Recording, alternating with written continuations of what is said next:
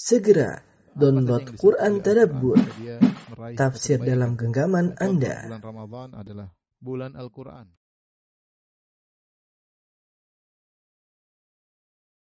Bismillahirrahmanirrahim. Assalamualaikum warahmatullahi wabarakatuh. Alhamdulillahi ala ihsanih wa syukru lahu ala taufiqihi wa amtinanih wa asyhadu an la ilaha illallah wahdahu la syarika lahu ta'ziman li sya'nih wa asyhadu anna Wa rasuluhu da'ila ridwani Allahumma salli alaihi wa ala alihi wa ashabihi wa Eh, Ibu-ibu sekalian eh, yang dirahmati Allah Subhanahu wa taala kita melanjutkan ya eh, pengajian kita tentang tafsir surat Al-Baqarah dan kita lanjut pada ayat yang ke-149 ya. Allah Subhanahu wa taala eh, berfirman dan pembicaraan masih berkaitan dengan masalah perubahan kiblat dari Baitul Maqdis menuju ke Al-Ka'bah Al-Musyarrafah ke Masjidil Haram. Allah Subhanahu wa taala berfirman, "Wa min haitsu kharajta fawalli wajhaka syatral Masjidil Haram." Dan dari mana saja kamu keluar, ya, maka palingkanlah wajahmu ke arah Masjidil Haram. Wa innahu lal haqqu min rabbik. Sungguh ketentuan itu benar-benar dari Rabbmu, yaitu perubahan dari Baitul Maqdis menuju Masjidil Haram benar-benar sudah ditentukan oleh Rabbmu. Wa mallahu bighafilin amma ta'malun. Sungguhnya Allah tidak lalai dari apa yang eh, kalian lakukan ya. Eh, ayat ini eh, kembali lagi tentang wajibnya menghadap kiblat ketika sholat. Allah berfirman wa min haitsu kharajta dari mana pun kau keluar apakah ketika kau sedang uh, beriqamah atau sedang bersafar ya. Uh, selalu hendaknya kau sholat menghadap kiblat ya. Meskipun dalam safar ya.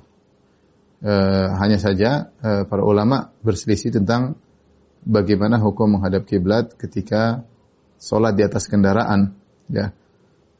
Datang dalam sebagai riwayat dari hadis Anas bin Malik ya bahwasanya Rasulullah SAW menghadapkan ketika di atas kendaraan menghadap kiblat terlebih dahulu kemudian beliau bertakbir kemudian kendaraan beliau berjalan ke arah mana tidak jadi masalah tapi diawali dengan menghadap kiblat berusaha menghadapkan kendaraan menghadap kiblat. Pendapat yang kedua ini pendapat Syafi'i. Ya pendapat Malikiyah mengatakan tidak harus ya. Kalau seorang sudah di kendaraan dia bertakbir uh, ke mana pun uh, arah dia uh, menghadap tidak jadi masalah. Karena kondisi di atas kendaraan adalah kondisi rukhsah diberi keringanan. Beda kalau seorang uh, sedang tidak di atas kendaraan maka uh, ketika dia uh, sholat dia harus menghadap ke uh, arah kiblat. Ini bicara tentang sholat sunnah ya, bicara tentang sholat sunnah. Adapun sholat wajib, sholat wajib maka seorang harus menghadap kiblat ya kecuali tidak memungkinkan. Saya ulangi. Uh, secara umum menghadap kiblat hukumnya wajib dalam kondisi iqamah ya, menetap atau dalam kondisi safar harus menghadap uh, kiblat. Makanya Allah berfirman min haitsu kharajta dari mana pun kau keluar ya. Dalam kondisi apa pun hendaknya salat menghadap kiblat. Uh, kecuali kecuali ya kalau dalam kondisi darurat tidak bisa menghadap kiblat itu lain cerita seperti seorang di atas pesawat tidak mampu untuk menghadap kiblat karena dia tidak bisa keluar dari kursinya sementara kursinya menghadap berlawanan dengan kiblat dan dia tidak ada di pesawat tersebut tidak ada musola dia tidak mungkin mendarat sholat sampai mendarat dulu karena kalau dia mendarat dulu maka betapa banyak waktu sholat akan terlewatkan ya seperti seorang bersafar mungkin dari Indonesia ke Eropa misalnya banyak waktu sholat yang akan dilewati sementara di di pesawat tidak menyediakan sarana musola untuk sholat menghadap kiblat maka kalau dia, dia mampu untuk menghadap kiblat maka lakukanlah. Jika tidak mampu dilarang misalnya bertentangan dengan aturan pesawat maka dia sholat ke arah yang bisa dia lakukan. Adapun masalah sholat sunnah di atas kendaraan ketika sedang bersafar, ya sholat sunnah di atas ketika sedang bersafar maka ada dua pendapat saya katakan. Yang mengatakan uh, hendaknya menghadap kiblat terlebih dahulu, setelah itu bebas. Ini pendapat Syafi'iyah. Ada yang mengatakan uh, dari awal tidak jadi masalah menghadap mana pun. Ini lebih lebih memudahkan memudahkan. Kalau mungkin kan kita untuk menghadapkan mobil kita ke arah kiblat dulu baru kita bertakbir, maka lakukanlah. Kalau tidak, maka dalam kondisi safar kita sholat, ya, sholat sunnah, sholat uh, apa namanya, sholat malam, menghadap mana saja nggak ada masalah karena Nabi SAW pernah naik kendaraan maka beliau mengarah ke mana pun arah kendaraan tersebut uh, bergerak ya. Apalagi kalau zaman dahulu orang naik onta, onta bisa tahu arah ke mana dia uh, uh, berjalan. Taib, eh, kemudian Allah berfirman, wa innahu lal haqqu min. Sungguh perubahan kiblat itu benar-benar suatu kebenaran dari Rabbmu. Ini bukan karangannya Muhammad.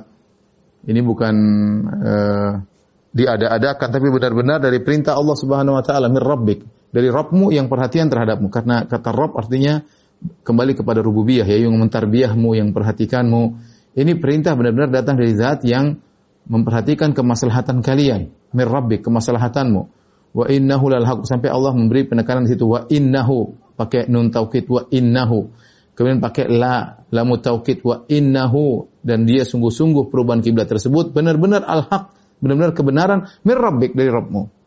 Wa ma Allahu bighafilin amma ta'malun Allah Maha Allah tidak lalai dari apa yang kalian lakukan. Yang dilakukan oleh kaum muslimin yang uh, merubah kiblat mereka dari uh, Baitul Maqdis menuju ke Eh, Ka'bah. Dan Allah juga Maha mengetahui apa yang dilakukan oleh orang-orang musyrikin yang mereka uh, mencela ya terjadinya perubahan kiblat. Mereka menghina Rasulullah sallallahu alaihi wasallam karena terjadinya perubahan kiblat. Ya yang mengejek Nabi sallallahu alaihi wasallam Allah tahu semua apa yang dilakukan oleh kalian. Ya Allah tidak lalai. Wa mallahu bighafil. Allah sama sekali tidak lalai. Adapun kapan semuanya akan ada balasannya di dunia ataupun di akhirat Allah yang lebih tahu Eh, mana yang baik untuk dibalas. Tapi Allah tidak lalai atas perbuatan uh, perbuatan uh, kalian. Uh, perhatikan di sini Allah Subhanahu wa taala mengulang-ulangi ini. Wa min haitsu kharajta fawalli wajhaka syatral masjidil haram. Diulangi tiga kali kalau tidak salah dalam surat Al-Baqarah ini. Wa min haitsu kharajta fawalli wajhaka syatral masjidil haram. Dari mana kau keluar maka hendakkanlah arahkan wajahmu ke arah Masjidil Haram. Uh, diulang-ulang. Kenapa? Karena Eh, Allah tekankan ini hukum Allah berubah dari dari Baitul Maqdis ke Masjid Masjidil Haram adalah hukum Allah. Allah ulang-ulang karena perkara ini perkara yang berat. Perkara heboh ketika itu di zaman itu. Perkara menjadi perkara yang heboh. Sampai-sampai ada sebagian yang murtad. Sampai-sampai ada sebagian yang murtad karena tidak menerima adanya perubahan tersebut. Padahal perubahan ini dari Allah Subhanahu wa taala. Kemudian ketika itu banyak yang mengejek Nabi sallallahu alaihi wasallam. Orang-orang musyrikin Arab mengejek. Mereka mengatakan ini uh, apa Muhammad kembali lagi ke arah kiblat kita ke Ka'bah. E, mudah-mudahan dia kembali lagi kepada agama nenek moyangnya. Orang Yahudi juga mengejek, ini Muhammad gimana sih? Dia meni, tadinya menghadap kiblat kita kemudian meninggalkan kiblat kiblat kita. Orang munafikin berkata, lihat Muhammad ragu, ya, sekali menghadap sana, sekali menghadap sini ya. Jadi Allah tekankan bahwasanya perintah Allah Subhanahu wa taala sampai terpatri dalam diri mereka bahwasanya perubahan kiblat itu benar-benar perintah Allah Subhanahu wa taala sampai diulang-ulang karena perkaranya perkaranya besar. Saking besarnya sampai ada yang ragu dan ada yang uh, murtad. Oleh karenanya uh, ketika perkara ini diulang-ulang oleh Allah Subhanahu wa taala, kaum muslimin yang imannya kokoh semuanya nurut ya sampai sebagaimana kita jelaskan uh, seperti di di Masjid Kuba ketika orang-orang sedang ruku, tahu-tahu ada perintah ala innal qiblata qad huwilat ketahuilah bahwasanya kiblat telah berubah maka mereka langsung tidak pakai ragu-ragu mereka langsung merubah kiblat mereka padahal mereka dalam kondisi dalam kondisi ruku, dalam kondisi ruku menunjukkan mereka tahu ini benar-benar perintah Allah Subhanahu wa taala ya. Inilah di antara hikmah kenapa uh, diulang-ulang ya. Kenapa diulang-ulang agar terpatri dalam kaum muslimin tidak ada ragu bahwa ini benar-benar dari Allah Subhanahu wa taala rangka untuk membantah juga uh, orang-orang yang mengejek ketika ketika itu baik dari kalangan Yahudi maupun kalangan ahlul apa namanya musyrikin maupun kalangan orang-orang uh, munafikin.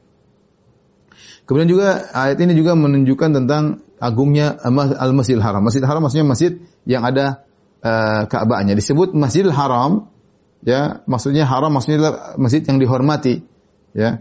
Oleh karenanya di antara tiga masjid yang boleh kita bersafar dalam rangka mencari keberkahan tempatlah tiga Masjidil Haram. La tusyaddur rihal illa ila salasati masajid. Tidak boleh bersafar dalam rangka mencari keberkahan tempat kecuali tiga tempat yaitu Masjidil Haram di antaranya. Kemudian Masjid Aqsa, kemudian Masjid Nabawi. Uh, Masjidil Haram ya. Uh, kemudian karena berkat Masjidil Haram bahkan tanah sekitarnya juga disebut dengan tanah haram. Disebut tanah haram berlakulah peraturan-peraturan di tanah haram tidak boleh berburu, tidak boleh mematahkan pohon, tidak boleh mengambil barang yang uh, hilang di situ, tidak boleh dipungut, tidak boleh ada pertumpahan darah di situ, banyak hal peraturan di Masjidil Haram ya. Uh, sampai tidak boleh menakut-nakuti hewan-hewan di situ, bahkan merpati tidak boleh ditakut-takuti. Ini semua eh, karena Allah mengistimewakan eh, Masjidil Haram di situ ada eh, Ka'bah. Taib kita lanjutkan. Setelah itu Allah berfirman lagi, "Wa min haitsu kharajta fawalli wajhaka syatral Masjidil Haram." Allah ulangi lagi. Dari mana pun kau keluar, ya, dari mana saja kamu keluar, fawalli wajhaka syatral Masjidil Haram, maka arahkanlah wajahmu ke arah Masjidil Haram. Wa haitsu ma kuntum fawallu wujuhakum syatrah. Kemudian Allah menggunakan domir antum. Wa haitsu ma kuntum dan di mana saja kalian berada, tadinya engkau engkau maksudnya kepada Nabi SAW kemudian Allah rubah wa haitsu ma kuntum. Dan di mana pun kalian berada kata ganti orang kedua tapi jamak. Kalau tadi wa min haitsu kharajta dari mana engkau? Kata ganti orang kedua tapi tunggal. Sekarang jamak. Wa min haitsu kun wa, wa, haitsu ma kuntum fawallu wujuhakum syatrah dan di mana pun kalian berada maka arahkan wajah-wajah kalian ke arah kota eh, ke arah Masjidil Haram. Ini sudah kita jelaskan kalau masjid kalau Ka'bah di hadapan kita maka kita harus menghadap Ka'bah. Tapi kalau kita tidak melihat Ka'bah maka yang cukup hanyalah arah. Arah arah Ka'bah sudah kita jelaskan ini berulang-ulang. Tidak harus mengenai titik titik zat Ka'bah tidak harus. Tapi yang penting mengarah meskipun agak belok sedikit belok ke kiri dikit belok kanan. Tidak persis titik tidak jadi masalah yang penting arahnya ke arah ke arah Ka'bah. Kita kalau Indonesia yang penting arah barat. Padahal kita tahu bahwasanya Ka'bah tidak mesti arah barat persis. Tapi ada eh, belok lagi sekitar beberapa derajat sebelah kanan sebelah kanan barat ya. Tetapi seandainya ada orang seperti nenek moyang kita dulu sholat waktu menghadap barat, maka sudah benar karena memang Mekah di arah barat. Mekah di arah barat. Kalau meskipun kita tarik gali lurus tidak akan mengenai Ka'bah, tapi benar orang sholat menghadap barat itu sudah sudah benar karena yang disyaratkan bagi orang yang tidak melihat Ka'bah bukan zat Ka'bahnya tetapi arah Ka'bah. Makanya Allah menggunakan kata syatara wa min wa haitsu ma kuntum fawallu wujuhakum syatarah di mana pun kalian berada, berada maka arahkanlah wajah kalian ke arah Ka'bah. Li alla yakuna linasi alaikum hujjatun illa alladziina minhum. Agar orang-orang tidak punya hujah untuk mendebat kalian ya. Eh, manusia atas kalian tidak ada hujah bagi manusia sekalian karena banyak yang mencela Rasulullah saya katakan orang Yahudi, kemudian orang-orang musyrikin, orang munafikin ya. Kata Allah, illa ladzina zalamu minhum, kecuali orang yang zalim. Orang zalim meskipun kau jelaskan ini semua dari Allah Subhanahu wa taala, kau jelaskan hikmah-hikmahnya percuma. Mereka tetap tetap akan mendebat. Tetap akan mendebat. Ada orang zalim seperti itu ya. Percuma tidak manfaat uh, berdebat dengan mereka, tidak bermanfaat kau menjelaskan dalil-dalilmu. Kenapa? Karena mereka zalim. Mereka tetap akan mengganggumu, tetap akan mengejekmu, mereka tetap akan mencibirmu. Ya, jadi Allah mengatakan di Allah yakuna linasi alaikum hujjah perubahan ini ya, perubahan kiblat dari dari Baitul Maqdis menuju Ka'bah ini adalah hujjah bagi kaum kaum uh, muslimin, bagi kaum muslimin. Ya, bahwasanya Nabi SAW mengikuti Ka'bahnya Nabi Ibrahim. Bahkan itu Ka'bah, Ka'bahnya kiblatnya para anbiya. Ya, uh, menyelisih orang Yahudi yang mereka menghadap Baitul Maqdis. Ya, kemudian menyelisih juga orang musyrikin yang meskipun mereka mengagungkan Ka'bah tapi mereka tidak mengikuti ajaran Nabi Ibrahim alaihissalam. Intinya perubahan kiblat ini ada banyak faedah dan banyak hikmah yang dijelaskan oleh Allah dijelaskan oleh Nabi SAW. Namun kata Allah percuma kalau kau menjelaskan orang-orang zalim tidak akan mengambil faedah dari penjelasanmu mereka tetap ngayal.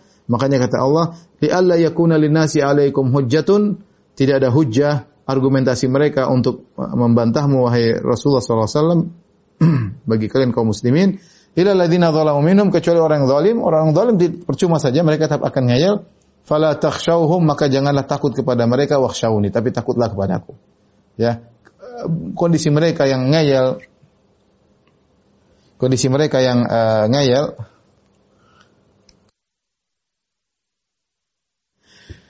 Uh, kondisi mereka yang uh, ngeyel terus mengejek. Tidak jangan takut kepada mereka. Tapi takutlah kepada Allah. Karena kemaslahatan kemudaratan hanya di tangan Allah Subhanahu wa taala.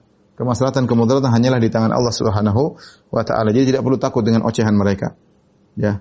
Ini penting bagi kita ketika kita menjalankan perintah Allah, uh, kita uh, menjalankan sunnah-sunnah Nabi Shallallahu Alaihi Wasallam, maka jangan terlalu mikirkan tentang ada kekhawatiran ada, tapi kita lawan diri kita kita mengatakan wala jangan takut mereka. Betapa banyak orang berusaha menjadi penghalang bagi dakwah ini ya. Betapa banyak orang berusaha untuk mencela, menjatuhkan ya tuduhan yang tidak-tidak, tapi jangan peduli ya. Jangan peduli. Kita bicara ahlul ahlul bidah zaman sekarang mereka tidak jujur. Banyak di antara mereka mereka tuduh-tuduh yang tidak benar.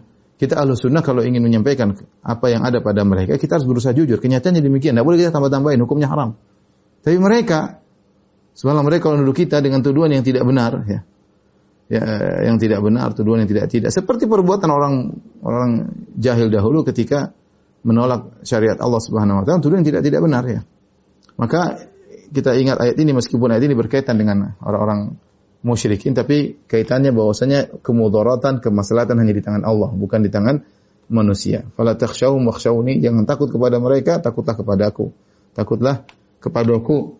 Ya kata Allah, "Wali utimma ni'mati 'alaikum." Wali utimma ni'mati 'alaikum dan agar aku menyempurnakan nikmatku kepada kalian wala allakum tahtadun dan agar kalian mendapat hidayah ya. Jadi uh, dengan dijelaskannya kiblat perubahan kiblat dari Baitul Maqdis menuju Masjidil Haram adalah salah satu bentuk Allah menyempurnakan nikmat Allah kepada kepada kalian. Ini nikmat dengan adanya Ka'bah menjadi uh, kiblat maka kaum muslimin bersatu, hati mereka bersatu, sama-sama sholat menghadap kiblat, ada center bagi mereka dan banyak maslahat-maslahat yang uh, Allah kehendaki adanya syariat haji semuanya ada syariat umrah kiblat kaum muslimin satu uh, menyatukan hati-hati mereka dan ini satu salah satu nikmat. Wali utima nikmati alaikum agar aku sempurnakan nikmatku yaitu nikmat berkaitan dengan dengan perubahan kiblat tersebut. Wala allakum tahtadun dan agar kalian mendapatkan hidayah dan agar kalian mendapatkan hidayah uh, ibu dirahmati Allah Subhanahu wa taala ya, uh, majelis taklim al-ittiba ya Uh, di antara tujuan Allah Subhanahu wa taala adalah uh, dengan adanya perubahan kiblat dari Baitul Maqdis menuju Ka'bah adalah la'allakum tahtadun agar kalian mendapatkan hidayah. Hidayah ada dua sebagaimana kita ketahui. Pertama disebut dengan hidayah al-irsyad yaitu hidayah ilmiah, hidayah penjelasan tentang ilmiah dan ini uh, mudah. Yang penting kita paham berarti kita dapat hidayah tersebut. Ya, dan para nabi memberi hidayah al-irsyad, para ustadz, para dai memberi hidayah al-irsyad, mereka menjelaskan. Kalau kita sudah paham tentang penjelasan mereka, berarti kita sudah dapat hidayah tersebut, hidayatul irsyad atau hidayatul ilm, hidayah ilmu. Dan orang yang ikut pengajian yang penting dia serius dia akan mendapatkan hidayah ilmu. Tapi yang jadi masalah berikutnya yang lebih penting dan ini merupakan tujuan adalah hidayah taufik. Hidayah taufik itu hidayah hidayatul amal.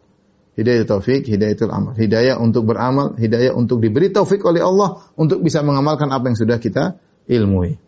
Nah, perlu kita ketahui hidayatul irsyad atau hidayatul ilm, hidayah irsyad atau hidayah ilmu itu merupakan sarana menuju hidayatul taufik atau hidayatul amal. Hidayah untuk diberi taufik oleh Allah untuk mengamalkan apa yang diilmui. Ya. Kalau seorang hanya mendapatkan hidayatul al-ilm atau hidayatul irsyad dan dia tidak mengamalkan, maka dia tercela dia tercela seperti orang-orang Yahudi yang di, diberi gelar oleh Allah al-maghdub alaihim, ghairil maghdubi alaihim yang yang dimurkai oleh Allah. Kenapa dimurkai? Karena mereka punya ilmu namun tidak mereka amalkan. Ya.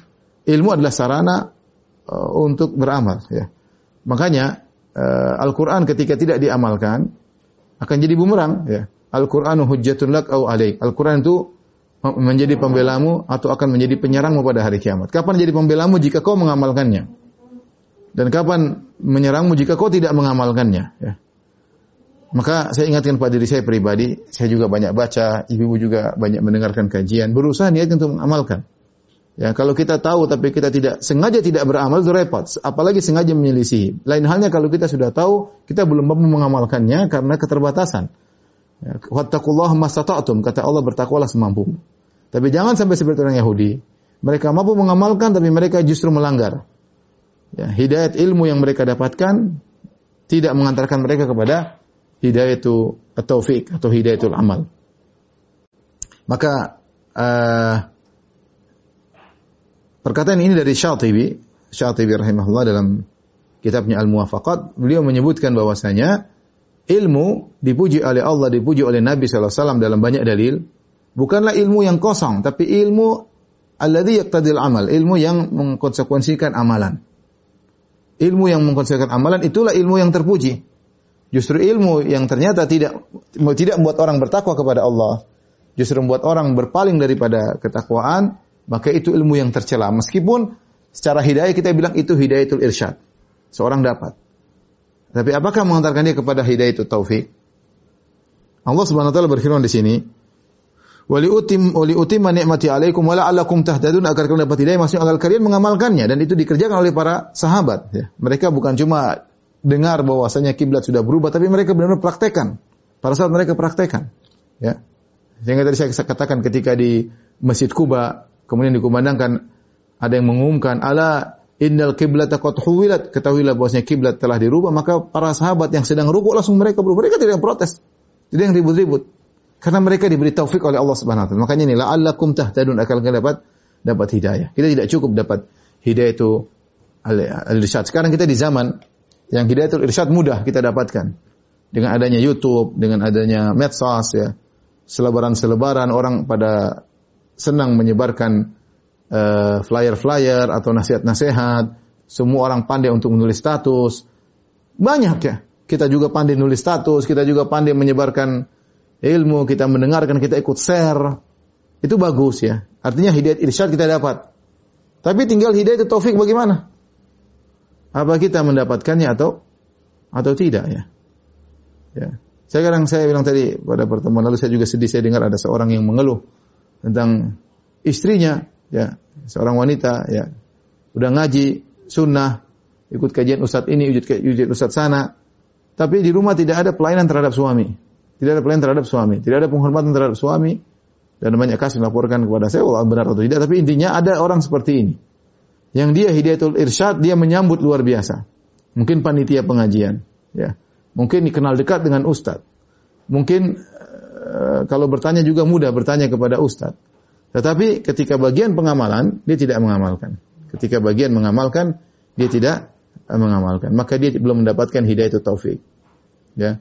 Allah ketika menjelaskan tentang perubahan kiblat dari Masjidil Aqsa ke Masjidil Haram, Allah mengatakan wala allakum tahtadun agar kalian dapat hidayah yaitu hidayatul irsyad dan hidayatul taufik.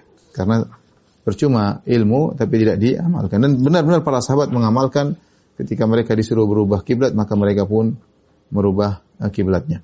Sini ya firman Allah wali utimma ni'mati alaikum agar aku sempurnakan nikmatku kepada kalian. Ini nikmat yang khusus, nikmat agama tapi khusus beda dengan firman Allah Subhanahu wa taala, "Al yauma akmaltu lakum dinakum." Oh, wa atmamtu alaikum nikmati. Pada hari ini aku sempurnakan agama kalian, aku sempurnakan nikmatku. Ini menyakup mencakup nikmat secara total ya. Di dalam surat Al-Maidah itu yang merupakan ayat terakhir yang turun termasuk ayat, ayat terakhir yang turun itu maksudnya nikmat agama secara total. Adapun ini nikmat agama secara spesifik itu berkaitan dengan uh, kondisi tatkala itu perubahan kiblat dari Baitul Maqdis ke uh, ke Masjidil Haram. Taib setelah itu Allah berfirman, "Kama arsalna fikum rasulan minkum yatlu alaikum ayatina wa yuzakkikum wa yuallimukumul kitaba wal hikmah wa yuallimukum ma lam takunu ta'lamun." Kata Allah sebagaimana kami mengirim mengutus kepada pada kalian seorang rasul dari kalian. Yatlu alaikum ayatina. Yang rasul tersebut membacakan kepada kalian ayat-ayat kami. Wa yuzakkikum dengan dan rasul tersebut mensucikan kalian. Wa yuallimukumul kitab dan mengajarkan kepada kalian Al-Qur'an. Wal hikmah dan mengajarkan kepada kalian sunnah dan hikmah. Wa yuallimukum ma lam takunu ta'lamun dan mengajarkan kalian apa yang kalian belum ketahui. Jadi uh, Allah Subhanahu wa taala menyebutkan nikmat-nikmat pada ayat-ayat sebelumnya di antaranya ada tiga sebutan Allah sebutkan tiga macam nikmat. Pertama Allah mengatakan li alla yakuna linnasi alaikum hujjatun agar orang-orang uh, tidak berargumentasi membantah kalian. Terjadinya proses perubahan kiblat dari Baitul Maqdis Masjid ke Masjidil Haram ini agar orang-orang tidak punya hujjah untuk membantah kalian. Ini nikmat yang pertama. Nikmat kedua liutimma ni'mati alaikum Allah sebutkan agar aku sempurnakan nikmat uh, kepada kalian dengan berubahnya kiblat ini nikmat bagi kalian dengan kalian bersatu, hati kalian satu di kiblat umroh haji kemua, semuanya kepada kiblat yang sama ke ke, ke Ka'bah eh, ke Masjidil Haram. Kemudian nikmat berikutnya berikutnya la'allakum tahtadun agar, agar kalian dapat hidayah. Jadi tiga nikmat yang Allah sebutkan agar orang-orang tidak bisa berargumentasi membantah kalian agar sempurna nikmat dengan bersatunya hati-hati manusia. Yang ketiga yaitu agar kalian dapat hidayah taufik kalian menjalankan. Allah kasih hidayah. Nah, setelah Allah sebutkan hidayah, uh, nikmat yang keempat. Kata Allah, "Kama arsalna fikum." Sebagaimana kami telah mengutus Rasul kepada kalian. Itu sebagaimana nikmat-nikmat sebelumnya. Ada nikmat yang lain juga kalian kami berikan kepada kalian. Nikmat yang tidak kalah agung. Nikmat yang sangat besar. Allah ingatkan, se sebelumnya adalah nikmat, diutusnya Rasul itu nikmat bagi kalian. Kama arsalna, yaitu sebagaimana nikmat-nikmat yang kami berikan, di antara nikmat yang lain yang kami berikan juga adalah kami mengutus kepada kalian seorang Rasul. Yatlu alaikum yang Rasul tersebut membacakan ayat-ayat kami. Ya, dibacakan ayat-ayat Allah. Jadi Rasulullah SAW membaca ayat Al-Quran seluruhnya, diajarkan kepada para sahabat. Bukan cuma diajarkan, dijelaskan. Bukan cuma dijelaskan, dipraktekan. Rasulullah SAW membaca ayat-ayat kami. Ya, dan Allah menamakan ayat-ayat Al-Quran dengan ayat-ayat. Ayat-ayat itu adalah tanda-tanda yang menunjukkan keagungan Allah Subhanahu wa taala. Setiap ayat dalam Al-Quran menunjukkan keagungan Allah. Makanya seharusnya kalau kita belajar tafsir, kita melalui ayat satu demi ayat akan menunjukkan keagungan Allah. Kita semakin kagum dengan Tuhan kita, Rabbul Alamin. Betapa agungnya ayat-ayat yang Allah turunkan. Setiap ayat mengandung rahasia-rahasia, ya, menambah keimanan luar biasa. Ya. Di antara nikmat adalah Allah mengutus Rasul. Nikmat ini, ya, eh, kalau tidak ada Rasul, bagaimana kita beribadah kepada Allah Subhanahu Wa Taala? Akal sulit untuk akal sulit untuk bisa mengantarkan kepada peribadatan yang benar. Lihatlah, saya tidak bicara jauh. Kita bicara alul bidah saja. Alul bidah yang meninggalkan sunnah. Lihat cara mereka beribadah macam-macam. Cara mereka berzikir macam-macam. Firqa ini, firqa ini, toreko ini, toreka anu. Banyak masing-masing punya zikir tertentu, punya salawat khusus, cara beribadah tertentu, punya keyakinan khusus. Kalau nggak ada Rasul, akal ini sulit untuk karena akal bermacam-macam, akal bertingkat-tingkat. Logika mereka berbeda-beda, IQ mereka berbeda-beda. Ya. Maka perlu diutus seorang Rasul yang membimbing caranya beginilah beribadah. Maka kalau sudah datang Rasul, terikatlah dengan cara yang diajarkan oleh Rasulullah Sallallahu Alaihi Wasallam. Jangan kemudian berkreasi sendiri. Jadi di antara nikmat di atasnya di atasnya Rasul adalah untuk mengajarkan kepada kita. Makanya Allah mengatakan, Yatlu alaikum sebagaimana nikmat yang kami berikan kepada kalian adalah kami utus kepada kalian seorang rasul di antara kalian. Ya, yang kalian kenali terutama orang musyrikin Arab. Mereka kenal siapa Nabi Muhammad SAW. Yatlu alaikum ayatina yang dia membacakan bagi kalian ayat-ayat kami. Saya kata Al-Quran Al-Quran dinamakan dengan ayat-ayat karena menunjukkan keagungan Allah. Ayat dalam bahasa Arab artinya alamat, tanda. Tanda yang menunjukkan keagungan Allah dan ayat-ayat Allah ada dua, ada ayat Al-Qur'aniyah, ada ayat Al-Kauniyah. Ayat Kauniyah itu maksudnya matahari, rembulan, alam semesta yang menunjukkan keagungan Allah. Ayat-ayat Al-Quran juga fungsinya sama. Sebagaimana alam semesta menunjukkan dengan Allah, ayat-ayat Al-Quran juga menunjukkan keagungan Allah Subhanahu wa taala. Makanya disebut dengan ayat. Kemudian di antara tugas atau fungsi atau manfaat Rasul ini, Rasulullah SAW wa mensucikan kalian. Di mana Rasulullah SAW mengajarkan kepada kalian untuk mensucikan jiwa kalian. Ya barang siapa mempelajari Al-Quran Sunnah, jiwanya akan menjadi suci. Dari syirik menjadi tauhid. Dari sombong menjadi tawadhu. Ya. Diajarin. Dari pelit menjadi dermawan. Ya. Jadi pemarah menjadi penyabar. Luar biasa syariat ini bagi siapa yang merenungkannya, mengamalkannya. Dari pendendam jadi pemaaf. Ya, dari pendendam jadi pemaaf. Dan banyak hal. Jadi dari malas beribadah menjadi rajin beribadah. Dari tidak mengenal Tuhan menjadi cinta kepada Tuhan Allah Subhanahu wa taala. Dari tidak berbakti menjadi berbakti dan seterusnya, merubah benar-benar mentazkiyatun nafs, mentazkiyah jiwa. Tapi bagi orang-orang yang benar-benar mempelajari Al-Quran dan sunnah-sunnah Nabi Wasallam dengan penghayatan. Bukan sekedar tadi wawasan doang.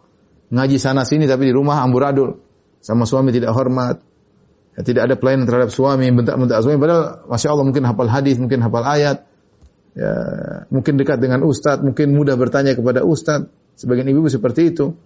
Tapi tidak ada penghormatan kepada suami tidak diamalkan ilmunya tersebut ya. Seorang ketika belajar agama berusaha untuk meniatkan mentazkiyah jiwa. Jiwa kita ini penuh dengan kotoran jiwa kita ini penuh dengan penyakit. Kita mentazkiyahnya dengan baca Al-Quran, kita pahami maknanya, pahami tafsirnya, ya. Wa yu'allimukumul kitab uh, dan uh, Rasul tersebut mengajarkan kepada Al-Quran. Bukan cuma dibaca, diajarin. Rasulullah mengajarkan Al-Quran. Ya, apa maksudnya, kandungannya. Wal hikmah dan mengajarkan al-hikmah. Al-hikmah ada yang mengatakan rahasia-rahasia syariat. Perkara-perkara yang hikmah. Ada yang mengatakan sunnah Nabi Shallallahu Alaihi Wasallam. Nabi ajarkan.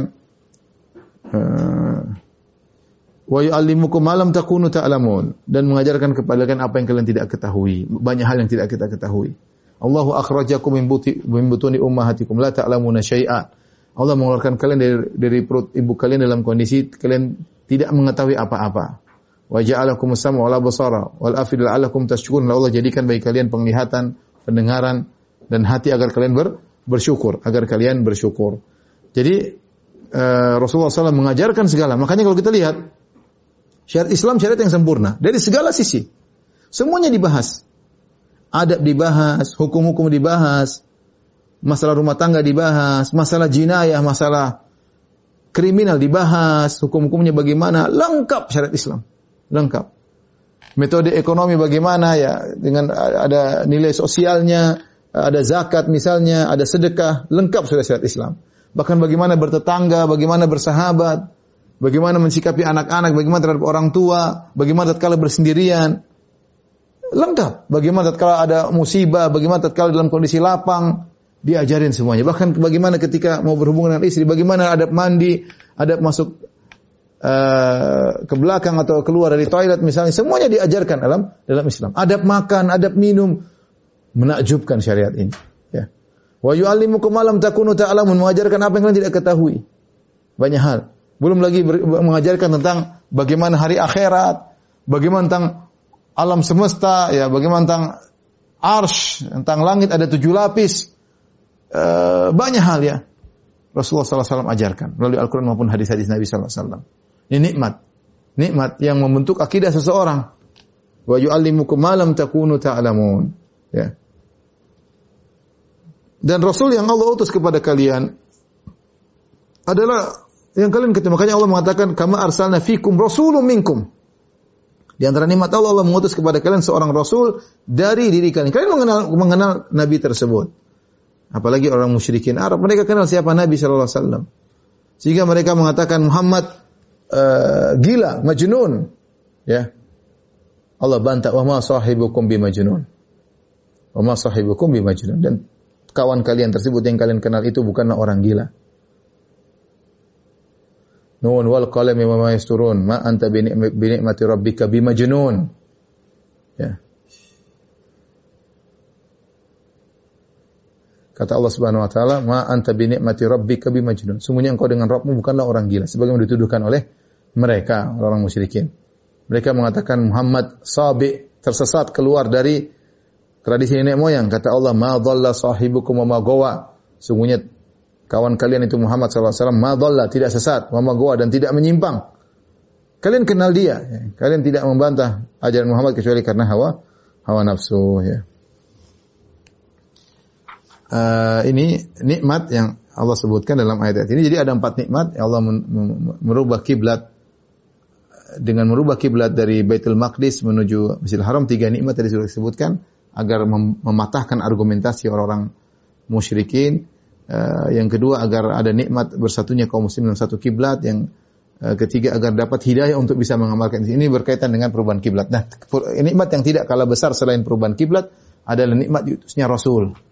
Nikmat diutusnya Rasulullah SAW yang mengajarkan kita segala sesuatu. Maka seorang berusaha berpegang, berpegang teguh dengan sunnah Nabi Shallallahu Alaihi Wasallam. Kalau tidak Nabi kita akan tercerai-berai. Logik kita akan berbeda-beda dalam menunjukkan bagaimana cara beribadah. Seperti saya katakan sebagaimana mereka pelaku bid'ah, mereka macam-macam cara cara mengekspresikan cara mereka beribadah. Karena kalau mereka tidak mengikuti sunnah, mereka akan bikin sendiri. Kalau bikin sendiri ya sudah macam-macam. Ada yang begini, ada yang begini, ada yang begini, macam-macam. Kemudian Allah Subhanahu wa taala berfirman, "Fadhkuruni azkurkum." Ingatlah aku maka aku akan ingat kepada kalian. Dan ini al jaza min amal, balasan sesuai dengan perbuatan. Seorang berusaha mengingat Allah Subhanahu wa taala, fadhkuruni, ingatlah kepada Allah. Dan ingat Allah Subhanahu wa taala baik dengan hati, lisan maupun dengan anggota tubuh. Zikir kepada Allah baik dengan hati, baik dengan lisan, baik baik dengan anggota tubuh. Barang siapa yang selalu mengingat Allah Subhanahu wa taala dalam hatinya, dia tawakal kepada Allah, dia berharap kepada Allah, uh, dia takut kepada Allah, semuanya dia ingat Allah. Dia ingat Allah dengan berbagai macam model peringatan. Ada yang dengan tawakal, ada yang dengan takut kepada Allah, ada yang cinta kepada Allah, ada yang berharap kepada Allah. Ini semua mengingat Allah Subhanahu wa taala. Atau dengan lisan, dengan lisan dengan berzikir. Astagfirullah, subhanallah, alhamdulillah, wa la ilaha akbar, zikir pagi, zikir petang, baca Al-Qur'an, ya. Ini semua mengingat Allah Subhanahu wa taala. Ya. Uh, juga dengan amal soleh. Ya, mengingat Allah amal soleh, seorang salat ingat Allah Subhanahu wa taala, seorang sedekah ingat Allah, seorang bayar zakat ingat Allah, seorang berhaji amal soleh jawari anggota tubuh juga adalah bentuk mengingat Allah Subhanahu wa taala. Jadi antara bentuk mengingat Allah adalah mempelajari ayat-ayatnya, ayat-ayatnya, pengajian. Mengingat Allah Subhanahu kita dari tadi dari awal sampai akhir kita bicara ayat Allah. Ini namanya zikir. Mengingat Allah. Fadzkurun. Di antaranya dengan bentuk mempelajari ayat-ayat Allah. Dengan ngaji tafsir, ngaji fikih, ngaji agama semuanya adalah bentuk mengingat Allah. Karena yang kita kita ingat, yang kita pelajari adalah agama Allah. Jadi secara tidak langsung kita mengingat Allah Subhanahu wa taala. Barang siapa yang mengingat Allah dengan berbagai macam model zikir, adzkurkum aku jika eh, ingatlah kepada aku, ingatlah aku kata Allah, aku akan ingat kepada kalian. Aku akan menyebut-nyebut kalian. Dan kalau kita ingat Allah, ya, nyebut-nyebut Allah Subhanahu wa taala, maka Allah menyebut kita lebih agung karena Allah Subhanahu wa taala mengatakan man dalam hadis qudsi man dzakarani uh, fi nafsi dzakartuhu fi nafsi wa man dzakarani fi mala'in dzakartu fi mala'in khairun minhu. Kata Allah Subhanahu wa taala hadis barang siapa yang mengingat mengingatku dalam hatinya, aku akan mengingatku dalam jiwaku. Barang siapa mengingatku, menyebutku di hadapan suatu uh, di hadapan suatu kelompok manusia, aku akan menyebutnya di kelompok yang lebih baik daripada kelompok tersebut. Kata para ulama yaitu di depan malaikat. Kita kalau sebut-sebut Allah di hadapan manusia, Allah sebut-sebut kita di hadapan malaikat. Allah sebut-sebut kita di hadapan para malaikat. Maka al jaza min amal balasan sesuai dengan perbuatan bahkan balasan lebih baik daripada perbuatan. Kita nyebut Allah di depan manusia, Allah nyebut kita di hadapan para malaikat. Kemudian Allah berfirman, "Washkuruli wa la takfurun." Bersyukurlah kepadaku dan janganlah kufur kepada Allah. Bersyukur juga sudah sering kita sampaikan bersyukur dengan hati dengan mengakui segala nikmat dari Allah Subhanahu wa taala. Uh, kemudian merasa bahwasanya uh, kita tidak pantas mendapatkan nikmat ini tapi kita dapat nikmat semata-mata karunia Allah Subhanahu wa taala. Jangan pernah merasa memang saya pantas dapat nikmat ini enggak. Kita ini jauh daripada kepantasan. Kita jauh dari kelayakan, tapi Allah memberikan kita kenikmatan. Mungkin kita melakukan sedikit sebab Allah berikan kita banyak kenikmatan. Tapi kalau mau diukur secara sungguhnya ya sejauhnya kita sejatinya kita jauh dari kelayakan. Maka di antara bentuk syukur kepada Allah kata para ulama dalam hati yaitu mengakui segala nikmat dari Allah dan mengakui sebenarnya saya tidak pantas mendapatkan nikmat tersebut. Kapan kita merasa kita pantas, kita kurang bersyukur. Seakan-akan memang wajib bagi Allah untuk berikan saya karena saya sudah begini, begini, begini. Di antara bentuk syukur tidak merasa pantas dengan nikmat yang Allah berikan kepadanya. Apa yang Allah berikan jauh lebih baik daripada yang seharusnya. Kemudian uh, yang berikutnya mengingat Allah dengan uh, dengan lisan, sering mengucapkan alhamdulillah, alhamdulillah, alhamdulillah. Ya. Alhamdulillah, ya. Puji Allah Subhanahu wa taala segala nikmat yang Allah berikan kepada pada kita, ya. Sering muji Allah ketika kita mengucap alhamdulillah dengan merenungkan berbagai macam nikmat yang kita rasakan. Nikmat kesehatan, nikmat keluarga, nikmat anak-anak, nikmat rumah, nikmat rumah tangga, nikmat pengajian. Banyak nikmat, ingat itu bersyukur kepada Allah ya dengan lisan. Ya. Kemudian eh, ketika makan bersyukur, ketika minum bersyukur, ya, bangun tidur bersyukur, doa-doa banyak. Ya, Alhamdulillah ahyana ba'da ma amatana wa ilaihi nusyur ketika bangun tidur. Ya. Alhamdulillah radda alayya ruhi wa afani fi jasadi wa adina li. Segala puji bagi Allah. Kita puji Allah ketika bangun tidur yang telah mengembalikan ruhku, yang telah memberikan aku keselamatan dan mengizinkan aku untuk mengizinkan aku untuk berzikir kepadanya. Dan. Kemudian yang terakhirlah berzikir dengan uh, bersyukur bersyukur dengan uh, amal saleh ya. Makanya Allah berfirman kepada Nabi Sulaiman, "I'malu ala Dawud syukran wa qalil min ibadiyah syakur." Wahai keluarga Daud itu Sulaiman, Ikmalu beramalah sebagai bentuk syukur kepada Allah. Jadi omong kosong kalau orang bersyukur tapi dia tidak rajin ibadah, malas baca Quran. Dia bilang, oh, saya bersyukur kok. Bersyukur mana buktinya? Omong kosong kok baca Quran malas. Sholat juga malas. Ya. Sedekah pelit. Terus apa buktinya kamu bersyukur kepada Allah Subhanahu Wa Taala? Kalau pengakuan omongan banyak yang bisa melakukannya. Oleh karenanya Allah berfirman, "Washkuruli wala takfurun." Bersyukurlah kepadaku wala takfurun dan jangan ingkar. Nah, kufur di sini ada yang mengatakan kufur kepada kenikmatan, ada yang mengartikan juga lebih umum mencakup segala kekufuran. Ya, harusnya seorang bersyukur memiliki Rabb, ya, punya Tuhan yang luar biasa yang uh, memberikan dia berbagai macam kenikmatan, maka hendaknya dia syukuri bukan dia kufuri.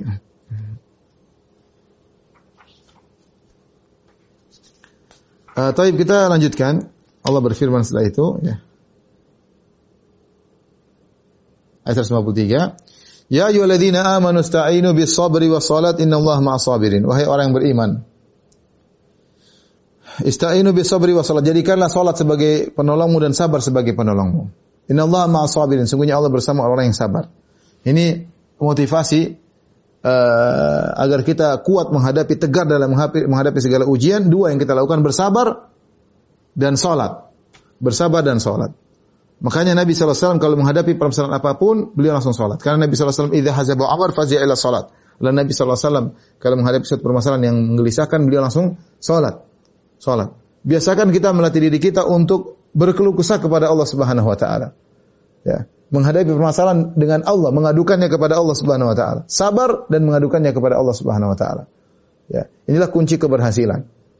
Ya, orang yang sabar dan sholat ya maka dia akan menghadapi permasalahan dengan dengan ringan, ya, dengan ringan karena e, di balik kesabaran dan salat ada pertolongan yang luar biasa. Makanya Allah mengatakan ya ayyuhalladzina amanu wahai orang beriman jadikanlah sabar dan salat sebagai penolong kalian dalam menghadapi segala ujian hidup. Innallaha ma'as sabirin, sungguhnya Allah bersama orang-orang yang sabar. Ma'iyah di sini bersama adalah bersama yang disebut dengan ma'iyatu al-khasah. Mungkin e, perlu diperhatikan ya. Jadi al-ma'iyah ini masalah asma sifat tapi kita ulang al-ma'iyah atau ma'iyatullah kebersamaan Allah ada dua yaitu al-ma'iyah al-ammah kebersamaan umum kemudian al-ma'iyah al-khassah kebersamaan khusus. Kalau kebersamaan umum adalah dengan bil ilm, dengan ilmu.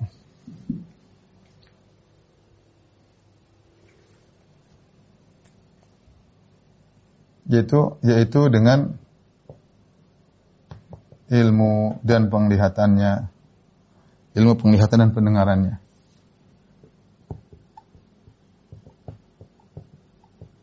dan pendengaran. Jadi Allah di mana pun kita, apa pun Allah tahu kita, Allah melihat kita dan Allah mendengar tentang kita. Itu namanya kebersamaan umum. Dan ini mencakup mukmin, kafir semuanya mencakup ya. Ini uh, berlaku pada semua orang, mukmin maupun kafir.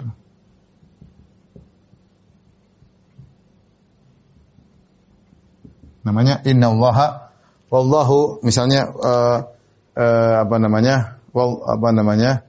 Uh, wa huwa ma'akum aina ma kuntum seperti firman Allah Subhanahu wa taala contohnya firman Allah wa huwa ma'akum aina ma kuntum Allah bersama kalian di mana pun kalian berada ya. Allah bersama kalian di mana pun kalian berada.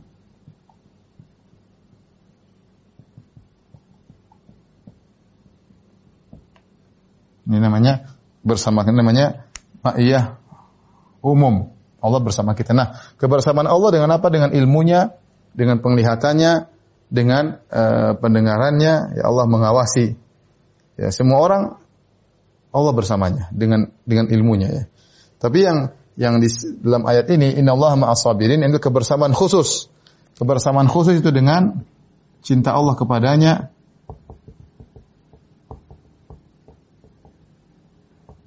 dan pertolongan. Pertolongan Allah kepadanya.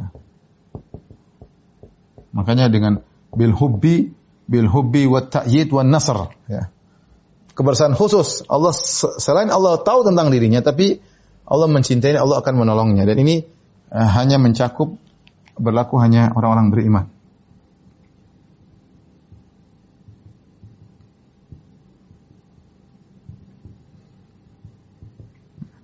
Seperti dalam ayat ini, innallaha ma'as. Ya alladzina amanu ista'inu bis sabri was salat innallaha ma'as sabirin. Sungguhnya Allah bersama orang-orang yang sabar, yaitu bukan sekedar mengetahui tapi Allah menolong mereka. Ya. Ya. Allah menolong uh, mereka. Innallaha ma'as sabirin. Nah, di sini bersama Allah bersama orang yang sabar.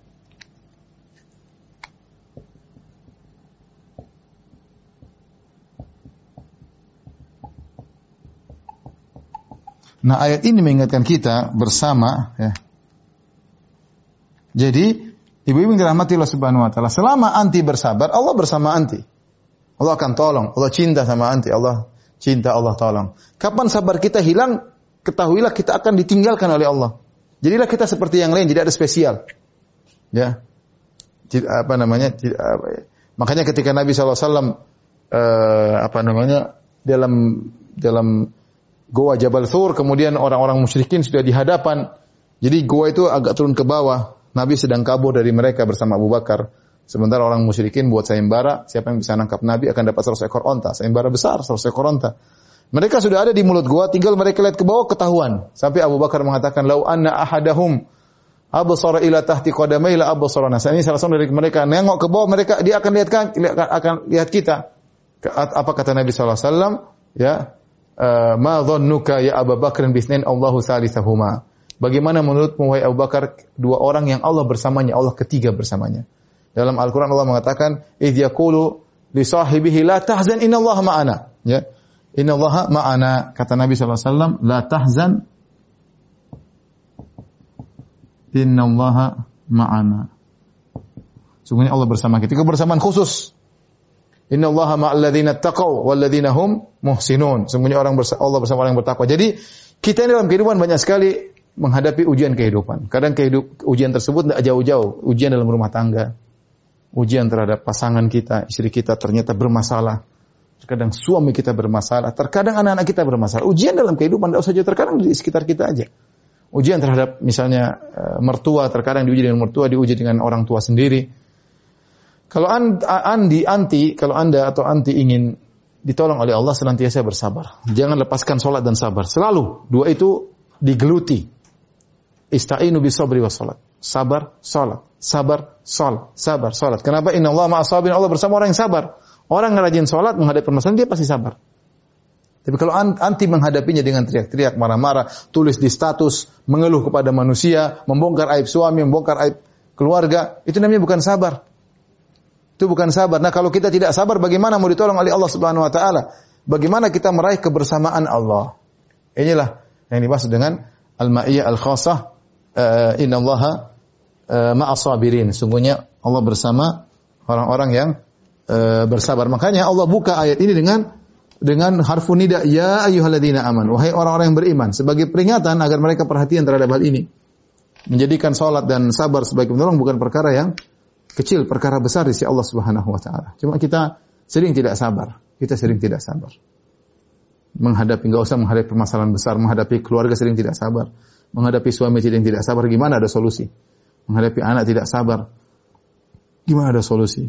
Ada masalah bukannya curhat eh, dalam dalam sholat curhat di status ya bikin status rubah status berubah eh, gambar profil ya bikin heboh sana sini cerita sana sini gibah sana sini gimana Allah bersama kita ingin bersama Allah bersama kita menyertai kita menolong kita sholat ya kalau bisa sholat malam sabar insya Allah ada solusi ya makanya apa kata Nabi Yusuf alaihissalam innahu mayyattaqi wa yasbir fa inna Allah la yudhi ajral muhsinin Sungguhnya barang saya bersabar dan bertakwa. Bertakwa di antaranya dengan sholat. Ya. Sungguhnya Allah tidak akan menyanyiakan orang-orang yang orang-orang yang uh, berbuat ihsan. Ya. Bagaimana sabarnya Nabi Yusuf alaihissalam. Dipisahkan dari kedua orang tuanya, eh, dari ya dari ayahnya, kemudian di, dilemparkan dalam sumur oleh kakak-kakaknya, dibuka bajunya dilemparkan dalam sumur dia jadi budak, kemudian di, dituduh macam-macam di penjara. Tapi dia bersabar dan bertakwa, akhirnya penghujungnya adalah solusi menjadi bendaharawan Mesir. Maka jangan lupa raihlah ma'iyah al-khassah kebersamaan khusus dari Allah dengan salat dan bersabar. Dan kata Allah Subhanahu wa taala uh,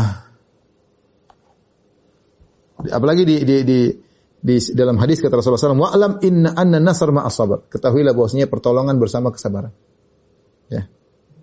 Anna nasr ma'as sabar. Sungguhnya uh, pertolongan bersama dengan kesabaran. Jadi se sebenarnya tinggal sabar ya. Kan sabar pertolongan datang. Kalau nggak sabar pertolongan hilang. Yang kita tadi kita kurang kurang sabar. Uh, kemudian uh, ayat terakhir yang kita bahas pada kesempatan kali ini ayat ke-154 wala taqulu lima yuqtalu fi sabilillahi amwat bal ahya'un walakin la tash'urun Dan janganlah kalian berkata kepada orang-orang yang terbunuh di jalan Allah, wala taqul lima yuqtalu fi sabilillah amwat. Janganlah kalian berkata kepada orang-orang yang terbunuh di jalan Allah, sudah mati amwat.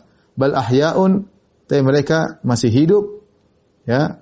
Walakin la tasyurun, tapi kalian tidak menyadari, ya. Tapi perhatikan di sini.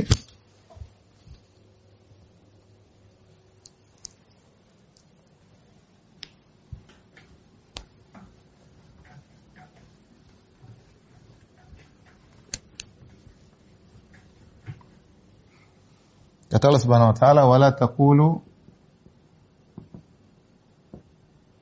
liman yuqtalu fi sabilillah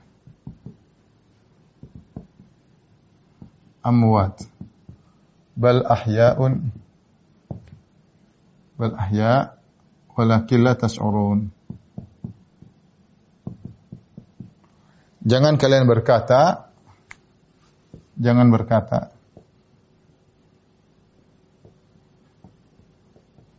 kepada orang-orang yang meninggal di jalan Allah kepada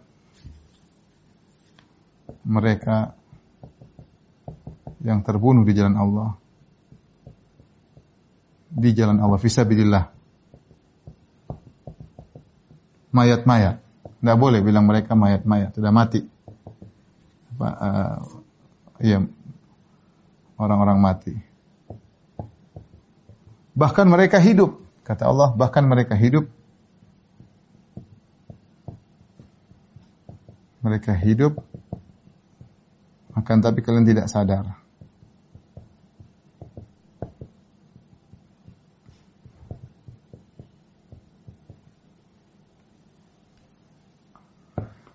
Taib, uh, perhatikan di sini. Uh, ini keutamaan orang berjihad, berjihad di jalan Allah Subhanahu wa taala. Namun perlu kita perhatikan disebut dengan fi sabilillah di jalan Allah di jalan Allah artinya tujuannya untuk i'la i'la kalimatullah. Tujuannya adalah di jalan Allah maksudnya tujuannya i'la kalimatullah. Meninggikan kalimat Allah. Ini ini yang disebut dengan jihad. Meninggikan kalimat Allah. Bukan bukan yang lainnya, bukan karena untuk uh, sebab-sebab yang lain. Makanya ketika Nabi SAW ditanya, Man qatala syaja'atan, ya Rasulullah, ada orang berperang karena keberanian. Man qatala hamiyatan, barang siapa berperang karena hamiyah, karena membela sukunya. Man qatala liyudhkar, ada orang berperang supaya dikenang. Man qala liyura, man qatala liyura makanuhu, ada orang berperang supaya diketahui kedudukannya. Ya, man qatala ghadbanan, ada yang berperang karena marah. Ayu dzalika fi sabilillah. Siapa di antara mereka yang di jalan Allah kata Nabi cuma satu. Man man qatala litakuna kalimatullahi al-ulya fa huwa fi sabilillah. Yang berperang untuk meninggikan kalimat Allah itulah yang di jalan Allah. Jadi fi sabilillah ini menunjukkan keikhlasan. Mereka inilah yang disebut dengan syahid yang sesungguhnya. Syahid mati syahid sesungguhnya ya. Jangan dikatakan mereka amwat ya. Tetapi mereka hidup. Hidup di sini maksudnya hidup khusus ya. Ya. Kan tapi mereka hidup ya. Dalam suatu alam namanya alam alam barzakh ya, hidup di alam barzakh.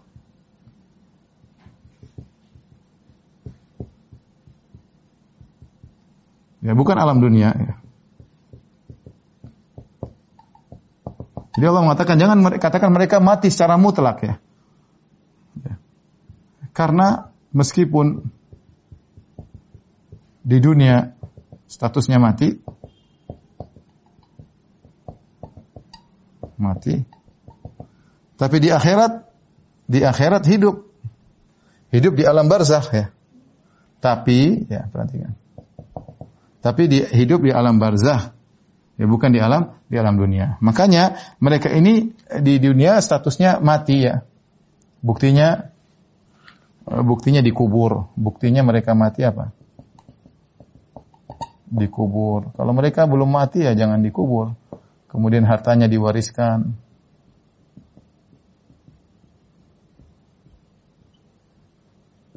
Kemudian disolatkan oleh solat mayat, disolatkan mayat.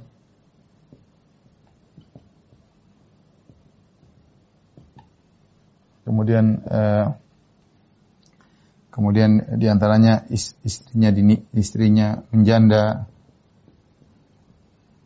dinikahi oleh orang lain ya sehingga dinikahi oleh orang lain dan menunjukkan mereka mati di alam barzakh tapi di alam eh, di alam dunia tapi di alam barzakh mereka hidup ya hidup di alam barzakh hidup di alam barzah. Ya, yaitu dapat kenikmatan, dapat nikmat kubur. Buktinya ya. Dapat nikmat kubur.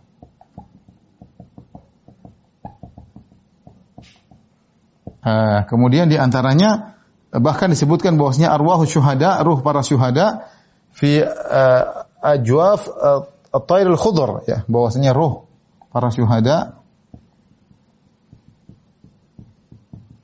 di dalam di dalam uh, rongga rongga burung hijau yang berterbangan di surga.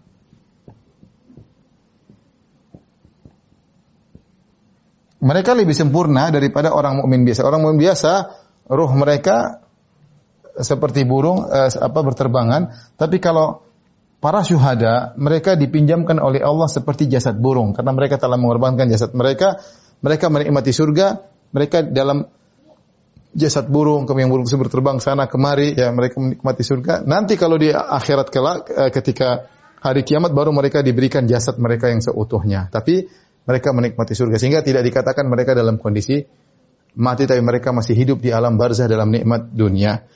Nah, kehidupan ini bukan kehidupan dunia, maka jangan di menjadi masalah mereka sebagian orang berdalil dengan ayat ini untuk meng, meng, menganalogikan mereka ini seperti hidup di dunia, maka dimintai, ya, dimintai, kemudian diajak ngobrol, kemudian dimintain tolong. Nah, ini terjemah dalam kesyirikan. Makanya Allah mengatakan perhatikan, walakin la tash'urun, tapi kalian tidak sadar, kalian tidak sadar. Ini menunjukkan bukan kehidupan dunia. Menunjukkan ini bukan kehidupan dunia. Karena tidak disadari. Nah, kalau dibilang mayat keluar dari kuburannya jalan sana jalan kemari ya, kita sadar dong berarti. Seperti yang mereka katakan kepada Rasulullah SAW, Rasulullah keluar, ketemu sana, ketemu sini. Allah mengatakan, walakilat kalian tidak sadar. Jadi kehidupan mereka kehidupan khusus, bukan kehidupan dunia. Kalau mereka dianggap hidup seperti sebelum mati ya buat apa istrinya dinikahi oleh orang buat apa uh, kemudian hartanya di diwarisi buat apa dikubur kalau memang mereka hidup seperti sebelum mati ya.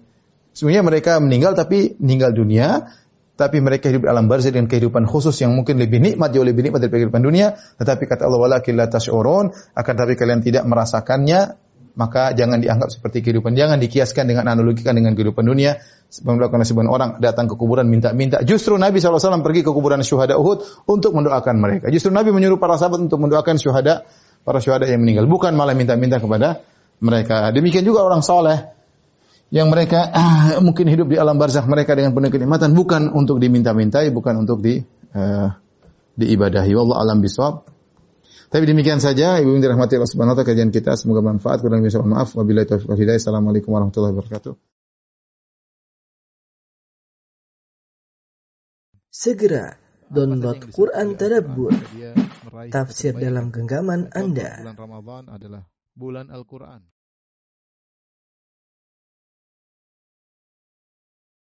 Bismillahirrahmanirrahim. Assalamualaikum warahmatullahi wabarakatuh. Alhamdulillahi ala ihsanih wa syukru lahu ala taufiqihi wa amtinani asyhadu an la ilaha illallah wahdahu la syarika lahu ta'ziman li sya'ni wa asyhadu anna Muhammadan abduhu wa rasuluhu da'ila ridwani Allahumma salli alaihi wa ala alihi wa ashabihi wa ikhwani para ibu-ibu yang dirahmati Allah Subhanahu wa taala uh, jamaah majelis taklim Al-Ittiba yang dirahmati Allah Subhanahu wa taala kita lanjutkan bahasan kita tentang tafsir surat Al-Baqarah dan kita masuk pada ayat yang nomor 155. Allah Subhanahu wa taala berfirman wala nabluwannakum bi syai'in minal khaufi wal ju'i wa naqsim minas samarat min wa naqsim minal amwali wal anfusi was samarat wa basyiris sabirin. Dan sungguh akan kami berikan cobaan kepadamu uh, dengan sedikit ketakutan, kelaparan, kekurangan harta, wa naqsim minal amwali wal anfus jiwa wasamarat dan juga buah-buahan. Wa basyiris sabirin dan bila kabar gembira kepada orang-orang yang sabar. Alladzina idza asabatuhum musibatun qalu inna lillahi wa inna ilaihi raji'un. Itu orang-orang apabila ditimpa dengan musibah apabila tertimpa musibah mereka mengatakan inna lillahi wa inna ilaihi raji'un. Kita ini milik Allah dan uh, kita akan kembali kepada Allah Subhanahu wa taala. Ulaika alaihim salawatu min rabbihim rahmah. Mereka itulah orang yang mendapatkan keberkahan yang sempurna dan juga rahmat dari Tuhan mereka. Wa ulaika humul muhtadun dan mereka adalah orang-orang yang mendapat petunjuk. Ini adalah surat Al-Baqarah ayat 155 sampai 157. Insya Allah pada kesempatan kali ini kita akan bahas uh, tiga ayat ini ya. Uh, Allah Subhanahu wa taala uh, berfirman ya wala nabluwannakum ya.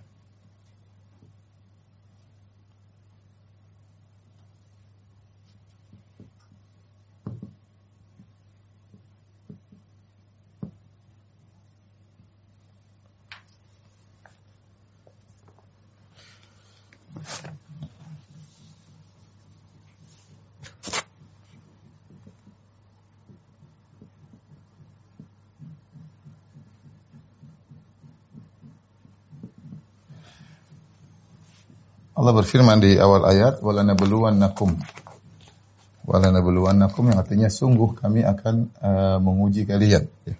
Di sini ada uh, lam taukid ya penekanan yang artinya sungguh kemudian wala nabluwannakum di sini nun taukid dan juga penekanan. Kalau kita artikan ada lam taukid nun taukid artinya dan sungguh-sungguh ya sungguh-sungguh kami akan menguji kalian.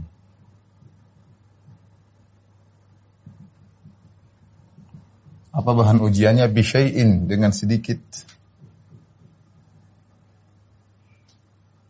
Perhatikan dengan sedikit. Bisyai'in minal khawfi wal ju'i wa naqsi minal amwali wal anfusi was samarat. Al khawf artinya ketakutan, Kemudian alju artinya kelaparan. Uh, ayat ini uh, datang setelah firman Allah Subhanahu wa taala sebelumnya, ya ayyuhalladzina amanu sta'inu bis-sabri was-salat. Sebelumnya Allah Subhanahu wa taala uh, menyebutkan uh, ista'inu ista'inu bis-sabri was-salat. Kata Allah wahai orang yang beriman, jadikanlah sabar sebagai penolong kalian. Sebagaimana pernah kita singgung sebelumnya sebagai uh, penolong kalian. Inna Allah ma'as sabirin, sungguhnya Allah bersama orang-orang yang sabar. Ya. Allah bersama orang-orang yang sabar. Setelah itu Allah uh, sebutkan wala takul lima lima lima lima yakutal fi sabilillah amwat bal ahya'hum walakin walakin la tash'urun. Setelah itu Allah sebutkan wala nabluwannakum. Sungguh kami akan menguji kalian. Jadi sebagai ulama mengatakan setelah Allah menyuruh untuk bersabar dan Allah kabarkan bahwasanya Allah bersama orang yang sabar setelah itu Allah jelaskan tentang apa saja bentuk-bentuk ujian yang kalian harus sabarkan. Maka datanglah ayat ini ayat uh, nomor 155 yaitu Allah sebutkan. Ini jadi ayat kesimpulannya tentang apa sih model-model uh, uh, ujian yang harus kalian sabar darinya. Ya, jadi persiapan, ya. Uh, di antara faedah yang bisa kita ambil di sini Allah mengatakan sungguh kami akan menguji, kami akan jadi Allah mengabarkan mengabarkan akan ada ujian akan ada ujian untuk persiapan karena kalau seorang tidak siap-siap, tiba-tiba diuji dengan sesuatu yang dia tidak suka, ini berat bagi dia untuk menghadapinya. Maka dengan Allah katakan, "Wala nabluwannakum." Sungguh kami akan menguji kalian. Jadi seorang uh, sudah persiapan terlebih dahulu. Ini faedah disebut oleh Al-Alusi dalam tafsirnya. Uh, Ruhul Ma'ani ya.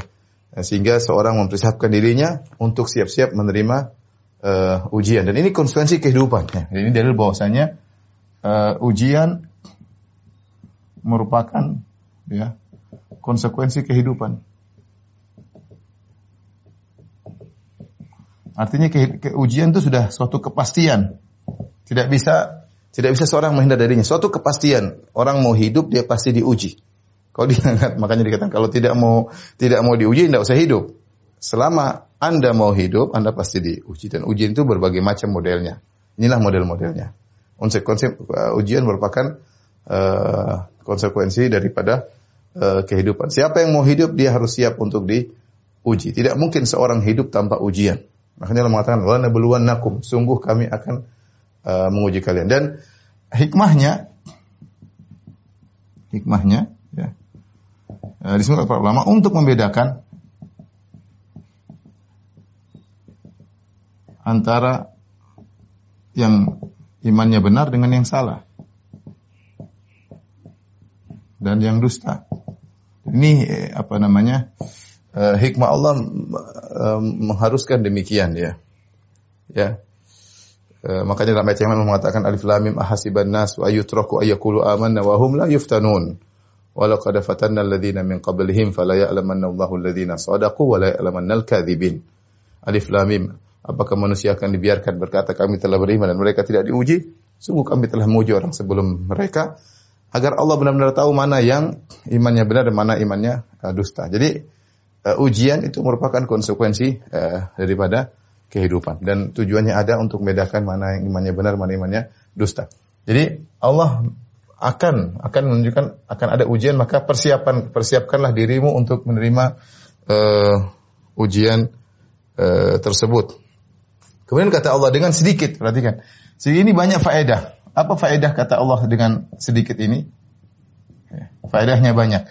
Di antaranya, ya, uh, yang diuji, yang jadi bahan ujian,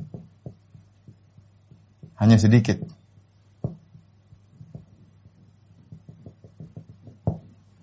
Artinya apa? Banyak perkara menyakitkan perkara, penderitaan yang Allah selamatkan kita darinya.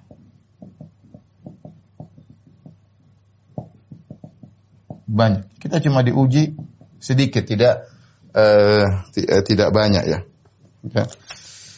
Uh, kemudian juga uh, di antara faedahnya bahwasanya uh, ada ya umat-umat terdahulu yang dibinasakan oleh Allah.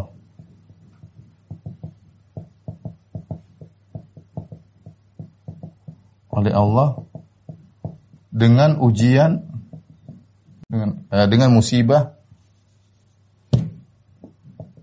lapar dan ketakutan uh, apa ya? Allah mengatakan fa'adzaqahallahu libasal ju'i wal khaufi bima kanu yasnaun. Dalam ayat Allah menyebut tentang suatu umat yang bukan yang Allah yang Allah hukum. Yang Allah hukum. Dihukum oleh Allah ya. Tapi dengan uh, dengan ketakutan dan lapar yang banyak bukan sedikit yang banyak. Kalau ini adalah uh, sedikit ya. Makanya Allah mengatakan fa'adzaqahallahu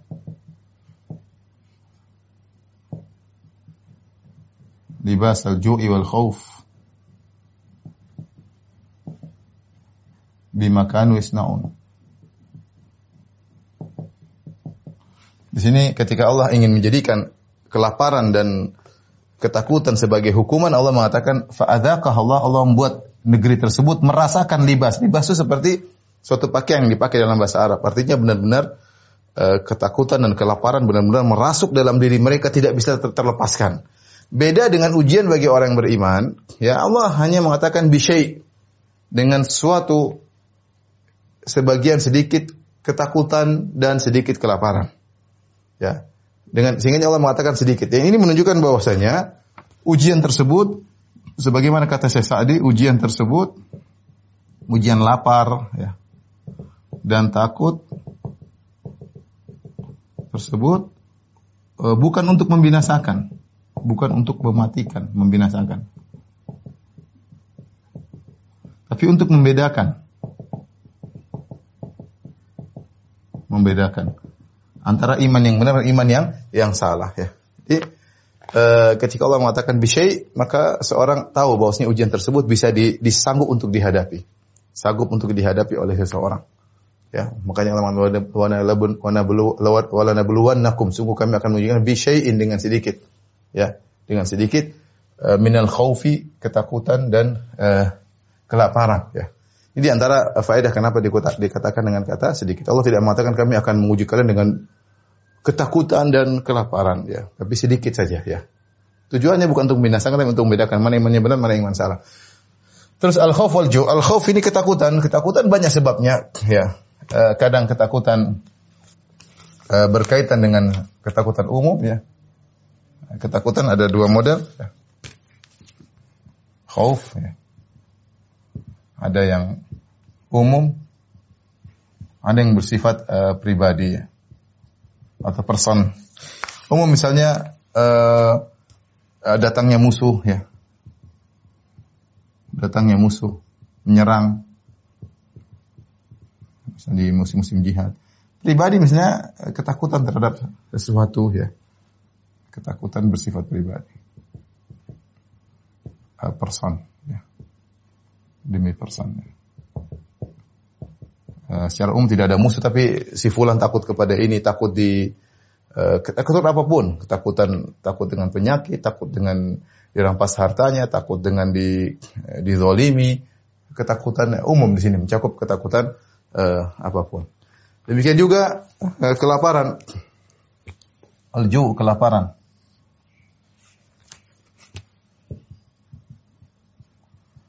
Kelaparan e, sebabnya banyak disebut oleh Syekh Utsaimin rahimahullah taala. Sebab-sebabnya di antaranya e, misalnya e, sedikitnya makanan. Ini ujian ya. Apalagi di daerah-daerah yang itu ada e, konflik, peperangan, maka makanan hanya sedikit.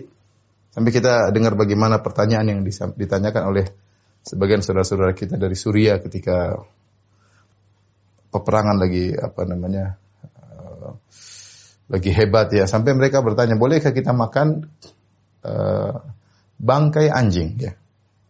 Jadi sudah bangkai anjing pula ya. Tapi nggak ada makanan lain diuji dengan uh, kelaparan ya. Makanan sedikit. Makanan sedikit. Ya seperti mungkin kalau zaman dulu musim kemarau ya. Seperti musim kemarau. Ya.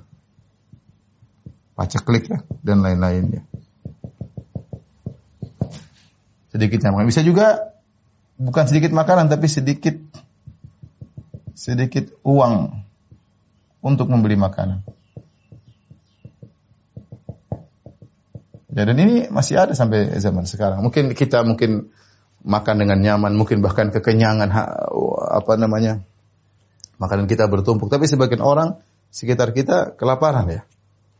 Sampai uh, saya tinggal di Jakarta, istri saya pernah cerita ada uh, dia ke supermarket, kemudian ada orang kakak adik cari makanan, ngais-ngais makanan di di tong sampah ya. Ada yang dapat ini dia laporkan, ada yang dapat bekas roti dia kasih tahu uh, kakaknya. Jadi makanan banyak di toko banyak, duit nggak ada. Mau beli tidak mampu. Ya. Itu banyak orang, -orang seperti di sekitar kita. Sebagian kita juga demikian ya. Uh, makanan banyak tapi nggak ada uang untuk uh, membeli makanan tersebut. Kemudian juga bisa jadi kelaparan disebabkan karena uh, uh, sakit sehingga tidak bisa makan. Ada orang seperti ini, dia makanan banyak, duit banyak, tapi sulit untuk makan. Sulit untuk makan. Kenapa sakit? Makan ini nggak boleh, makan ini nggak boleh. Kalau makan banyak dia muntah-muntah. Ya. Saya pernah ada kawan eh, cerita bagaimana dia, ya, kawan ya, dia cerita saya berulang-ulang berapa kali cerita sama saya. Artinya dia miliarder, duit banyak ya, tapi pernah sakit di mana dia nggak boleh makan banyak ya dia nggak boleh makan banyak sehingga hanya boleh minum makan nasi putih sedikit dengan air putih juga yang semuanya sudah tertakar sehingga ketika dia tahu bahwasanya duit yang dia miliki banyak tidak ada manfaatnya dan dia sakit sekitar setahun seperti itu ini contoh lapar dia rasakan dia dia sulit tidur tidak bisa makan kenapa karena penyakit ya. sehingga Eh, kelaparan ini adalah suatu hal yang menyakitkan ya. Bagi orang yang pernah merasakannya ya. Itu adalah ujian tersendiri. Makanya Nabi SAW ketika menyebutkan tentang amalan yang paling dicintai oleh Allah Subhanahu wa taala, Allah mengatakan Nabi SAW mengatakan uhabbul amali ila Allah sururun tudkhilu ala qalbi muslim amalan yang paling dicintai oleh Allah adalah rasa bahagia yang kau masuk ke dalam hati seorang muslim. Dan kata Nabi, autatruda hujuan atau kau hilangkan, kau usir kelaparan dari perutnya. Artinya kau kasih makan. Ya, makanya dalam Al-Quran banyak sekali Allah menyuruh untuk memberi makan, memberi makan, memberi makan. Karena uh, kelaparan itu perkara yang bisa doji adalah teman tidur yang paling tidak enak. Orang tidur kelaparan itu tidak enak. Ya. Yang bisa yang bisa mengetahui adalah orang yang pernah merasakannya. Ya. Kelaparan tidak ada makanan, mau minta malu ya. Dan ada orang seperti itu. Maka dalam Al-Quran banyak. Itu amun fi yaumin dhi masghabah. Kau beri makan di musim orang kelaparan ya. Uh, Rasulullah mengatakan, "Ya nas, ya, afsus salam wa afsus salam wa at'imu ta'am." Dalam hadis kata Rasulullah SAW pertama kali sampai Madinah, kata Nabi wahai manusia sekalian, tebarkanlah salam, berilah makanan. Kenapa? Banyak orang kelaparan. Banyak orang kelaparan, mesti banyak saudara-saudara kita yang kelaparan. Oleh karenanya ini ujian. Uh, dan inilah ujian tersendiri. Setelah itu Allah Subhanahu wa taala uh, menyebutkan setelah itu wa naqsim minal amwali wa anfusi wa samarat ya.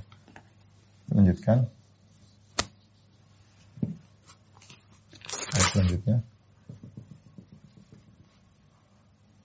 Wa naqsim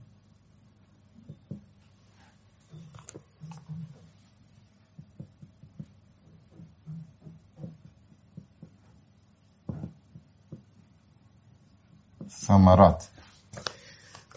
Uh, Selain al-khauf, Allah mengatakan juga uh, bisyai kemudian dengan kekurangan ya, kekurangan. Ini artinya kekurangan.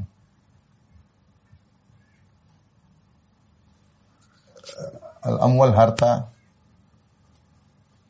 al-anfus artinya uh, jiwa, wasamar artinya buah-buahan.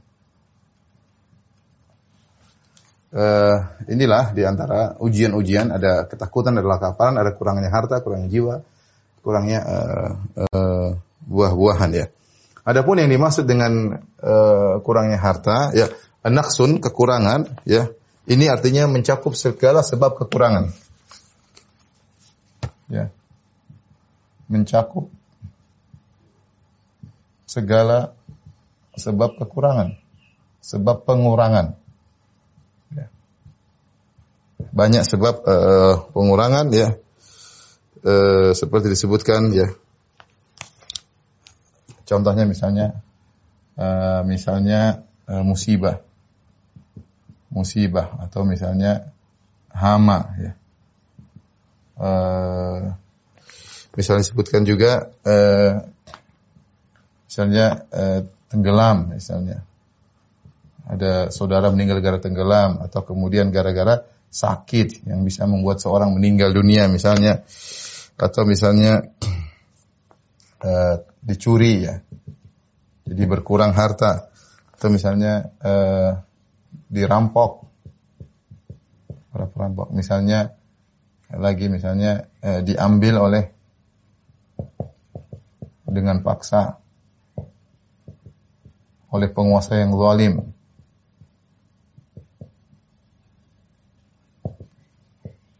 Misalnya banyak hal yang menyebabkan uh, berkurang. Intinya apa saja sebabnya? Di umum di sini umum monaksin dengan pengurangan pengurangan di sini umum mencakup apa saja yang bisa menyebabkan harta atau jiwa atau buah-buahan berkurang. Bisa jadi musibah ya. Uh, hama misalnya untuk berkaitan dengan buah-buahan, jadi tenggelam, bisa terbakar, bisa jadi sakit, dicuri, dirampok, diambil, di, uh, macam-macam hal yang menyebabkan harta bisa berkurang. Dan harta di sini juga mencakup umum ya, harta yang dimiliki aset ya, e, kadang warisan yang dirampas ya, warisan yang tidak dibagikan, banyak hal ya. Ini ujian semuanya, ujian. Kalau anfus jiwa, jiwa sini mencakup e, e, dua hal ya, mencakup pribadi atau orang-orang yang dicintai. Bisa jadi diri sendiri atau orang-orang yang dicintai. Ini bisa bisa bisa berupa uh, sakit atau cacat atau meninggal. Ini ujian ya. Berkurangnya jiwa bisa jadi, bisa jadi kita sendiri yang sakit, bisa jadi cacat, bisa jadi ada uh, penyakit menimpa diri atau menimpa orang lain. Allah memberi kekurangan pada jiwa yang tadinya jiwa segar jadi jiwa sakit, menjadi jiwa lemah. Atau orang-orang kita cintai mengenai istri kita, mengenai anak kita, buah hati kita, mengenai orang tua kita, kawan kita, dan ini juga adalah ujian. Memang yang yang terkena orang lain, tapi kita yang ikut sedih, kita ikut menderita. Ini al-anfus, jiwa ya. Atau kawan-kawan, teman-teman kita kaum muslimin yang mungkin uh, dibunuh, kita mereka jauh tapi kita ikut ikut merasakan penderitaan tersebut. Wasamarat yaitu buah-buahan, buah-buahan.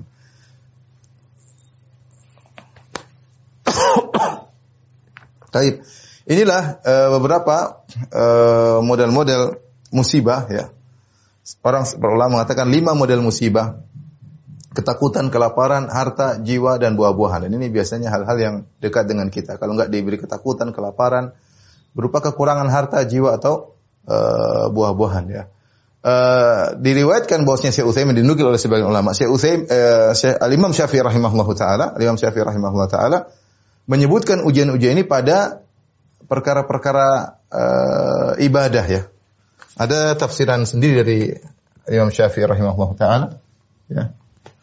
Disebut disebut oleh Al-Alusi rahimahullah taala Imam Syafi'i berkata saya lupa Imam uh, Al-Alusi atau uh, Ibnu Asyur dalam Tahrir wa Tanwir. Tapi saya saya di Al-Alusi itu di uh, Ruhul Ma'ani Imam Syafi'i mengatakan bahwasanya yang dimaksud dengan al-khauf kata Imam Syafi'i al-khauf ketakutan adalah takut kepada Allah. Kemudian beliau berkata uh, al-ju kelaparan maksudnya kelaparan ketika puasa. Kelaparan di bulan Ramadan.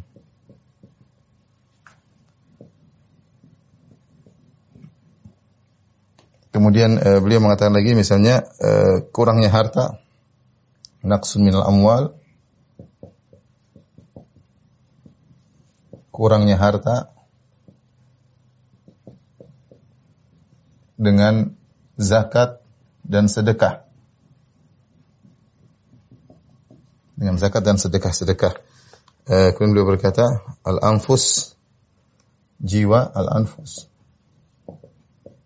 jiwa yaitu sakit yang diderita.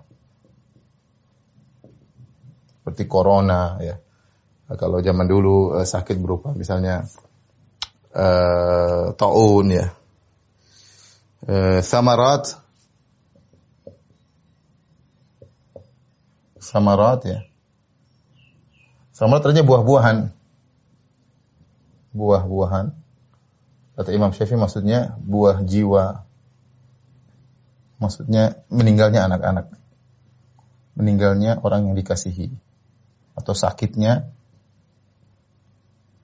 orang yang dikasihi. Subhanallah.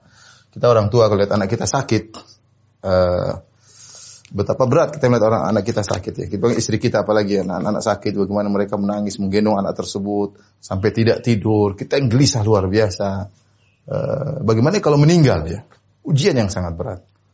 Makanya orang yang sabar ketika anaknya meninggal luar biasa. Ketika Allah pernah menguji seorang hamba dengan meninggal mewafatkan anaknya maka Allah bertanya kepada para malaikat, "Aqabattum ya samarata fuadihi ya Apakah kalian wahai para malaikat telah mencabut nyawa buah hati hambaku tersebut? Kata para malaikat, iya ya Allah. Mada qala abdi? Allah berkata kepada para malaikat, Allah tahu tapi Allah ingin nampakkan kemuliaan sang hamba. Apa yang dikatakan oleh sang hamba, hambaku ketika kalian mengambil buah hatinya? Maka uh, kata kata malaikat uh, apa namanya? Uh, istarja ya. Hamidaka wastarja. Dia memuji engkau dan mengatakan inilah wa inna ilaihi raji'un. Ya, luar biasa. Maka kata Allah Subhanahu wa taala, "Ubnu li 'abdi baitan wa sammuhu baital hamdi." Ya. Bangunkan bagi hambaku sebuah istana di surga dan namakan istana tersebut dengan istana pujian. Kenapa? Karena diuji dengan wafatnya sang anaknya buah hatinya namun dia bisa uh, bersabar.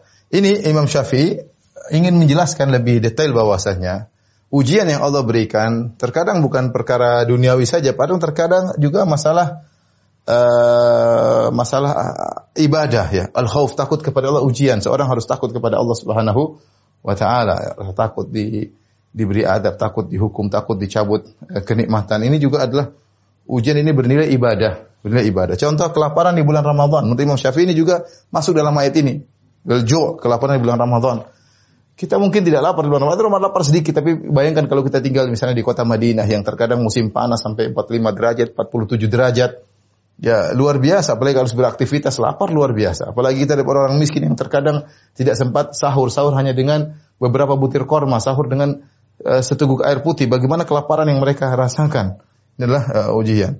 Kurangnya harta dengan zakat dan sedekah juga ujian. Seorang bayar zakat, dia harusnya lapang dada, tapi terkadang ada pertentangan dalam dirinya. Dia keluarkan zakat, tapi itu ujian uh, berat bagi dia, tapi itu berpahala di Allah. Demikian juga sedekah. Sedekah-sedekah perlu perjuangan ya. Memberi sedekah yang sunnah ya ini juga uh, ujian dari Allah Subhanahu wa taala. Al-anfus Imam Syafi'i menafsirkan dengan sakit yang diderita jiwa. Seorang sakit itu ujian. Kemudian as-samarat buah-buahan ya diartikan dengan buah jiwa atau buah hati yaitu anak berkaitan dengan anak ya atau orang dicintai anak, istri, ya, kawan dekat, ya, e, musibah yang mendekati, yang mengenai orang-orang terdekat. Menurut Imam Syafi'i juga merupakan bagian daripada uh, ujian. Inilah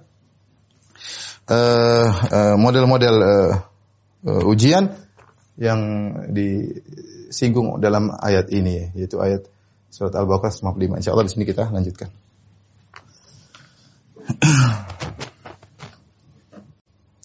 Setelah itu Allah berfirman, Wabashiris sabirin. Ayat 155 masih terakhir, lanjutannya terakhir.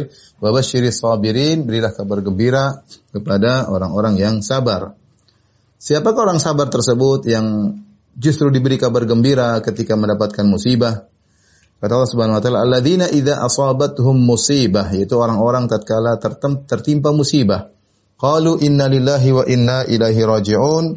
Mereka berkata, sungguhnya kita ini milik Allah dan sungguhnya kepada Allah lah kita akan kembali. Ulaika alaihim salawatu min rabbihim wa rahmah. Mereka itu orang yang mendapatkan salawat dari Allah Subhanahu wa taala wa rahmah dan mendapatkan rahmat dari Allah Subhanahu wa taala wa ulaika humul muhtadun. Dan mereka adalah orang-orang yang yang mendapat petunjuk.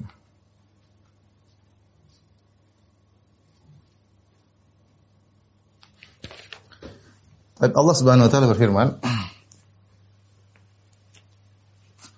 Wabashiris sabirin.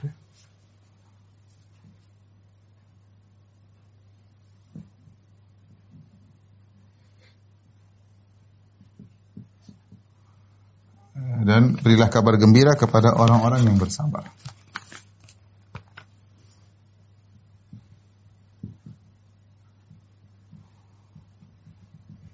Kepada orang-orang yang bersabar.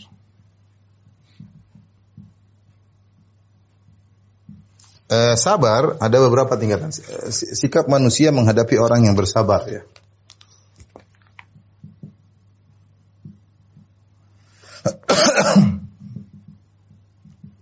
Dalam menghadapi musibah. Ada beberapa tingkatan ya. Eh, Syekh Utsaimin rahimahullah menyebut dalam tafsirnya tingkatan yang uh, paling rendah adalah al-jaza ya al-jaza yaitu tidak sabar, meronta-ronta. Meronta-ronta. Teriak-teriak, protes dan lain-lainnya. Namanya al-jaza dan uh, yaitu tindakan-tindakan yang menunjukkan ketidaksabaran. Tindakan tindakan dan ucapan atau ucapan yang menunjukkan tidak terima Terkadang seorang tidak menerima bisa dengan ucapan, kenapa Allah menguji saya? Kenapa harus begini? Itu namanya ucapan. Ada tindakan-tindakan seperti merobek-robek baju, melempar-lempar itu itu juga dia tidak ngomong tapi tindakannya menunjukkan dia tidak sabar. Karena Nabi SAW mengatakan laisa minna bukan dari golongan kami orang terketat kalau terkena musibah man uh, khududa wa syaqqal juyuba wa da'a jahiliyah bukan dari golongan kami orang terkena musibah dia mukul-mukul pipinya merobek-robek bajunya dan berseru dengan seruan jahiliyah. Seperti sebagian wanita menarik-narik rambutnya. Uh, ini tindakan, tindakan tapi menunjukkan tidak sabaran. Kalau eh, dari su- suara seperti eh, seperti ungkapan atau kemudian ratapan, makanya an-naihah atau niyah dosa besar. Niyah meratap orang yang sudah meninggal dosa besar karena menunjukkan tidak terima dengan keputusan Allah Subhanahu wa taala. Ini ini ini dosa tentunya. Ini eh, hukumnya dosa. Berdosa Ya. Dia dapat dua musibah. Terkena dua musibah. Terkena dua musibah. Pertama, uh, musibah yang dihadapi, musibah dunia. Yang kedua, dosa. Ya. Hati semakin perih ya. ya hati semakin perih. Dia dapat dua, dapat dua uh, musibah. Tapi uh, yang kedua ini tinggal pertama, Kemudian yang kedua adalah sabar. As-sabar, sabar. As-sabar artinya menahan, ya secara bahasa artinya menahan. Menahan apa? Menahan dari tindakan dan ucapan, tindakan atau ucapan yang menunjukkan protes, menunjukkan tidak terima, tidak menerima takdir Allah.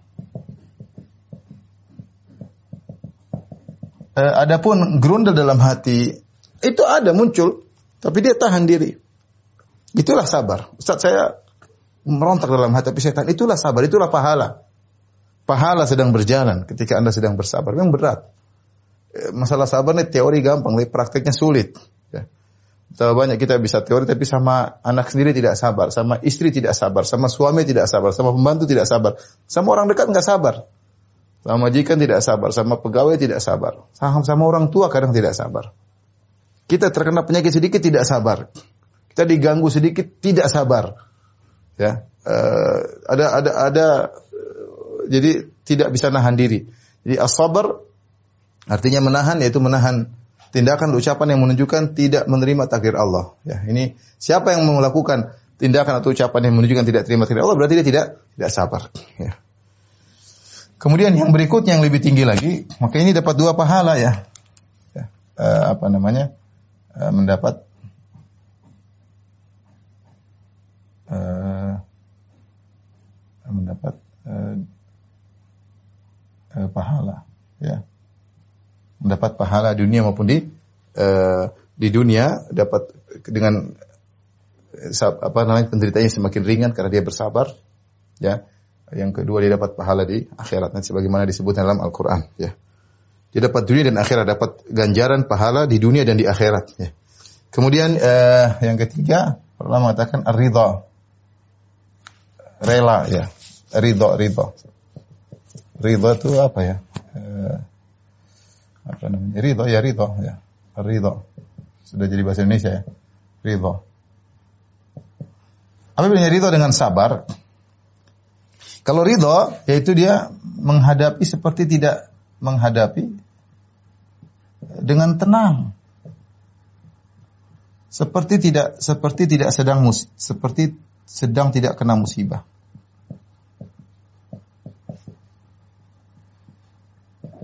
Ya, ini tidak ini hukumnya kalau ini hukumnya wajib ya. Ini hukumnya wajib. Kalau ridho hukumnya sunnah, tidak sampai wajib ya. Tidak sampai wajib dia ridho, ya, dia santai aja dia ridho. Artinya dia rela dengan itu semua Allah berikan. Kalau sabar tuh masih ada grundel, kalau ridho enggak, dia santai aja. Santai aja orang seperti ini ada. Ya dapat musibah ya udahlah. Santai aja. Tidak ya, maksudnya kalaupun ada grundel sangat kecil dia ridho. Ini kena musibah, ini kena musibah, ini kena dia ridho. Uh, yang lebih hebat daripada ini, tapi ini sangat sulit, yaitu syukur, bersyukur mensyukuri musibah. Ini berat ya. Maka ini ber, untuk mensyukuri ini ini apa namanya? derajat tertinggi. Tentu ini penuh dengan harus ada eh, apa bedanya syukur dengan ridho? Kalau dia bersyukur, dia tidak berharap musibahnya dihilangkan.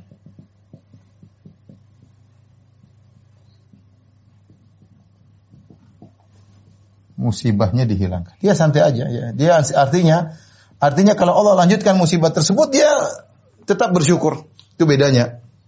Kalau ridho seperti tidak terkena musibah, kalau syukur seakan-akan dia ya tidak berharap. Biar aja musibah jalan terus ya. Ya, Sebagian orang, saya cerita saya pernah ketemu dengan seorang dia hajian sama saya, ginjalnya rusak dan dia setiap saat, setiap berapa jam sekali dia harus mencuci ginjal secara manual. Ada selang masuk sini, selang keluar, kemudian dibiarkan ya berapa. Dia bilang sama saya, Ustaz, saya kalau boleh nggak saya berharap saya begini terus ya, karena kenapa ya? Saya berharap tidak sembuh. Kenapa? Setelah saya terkena penyakit ini, saya selalu ingat Allah. Kalau saya lagi ini saya zikir saya apa, dia merasa bersyukur dengan hal tersebut. Ya, ada orang seperti itu. Terkena musibah dia bersyukur ya Allah. Kalau saya tidak terkena musibah mungkin saya begini begini begini. Alhamdulillah Allah saya musibah. Saya tidak. Ini ada orang seperti itu. Tapi ini berat, berat ya. Kita minimal kita sampai sabar. Itu udah wajib udah dapat pahala. Gerundel kita tahan dapat pahala.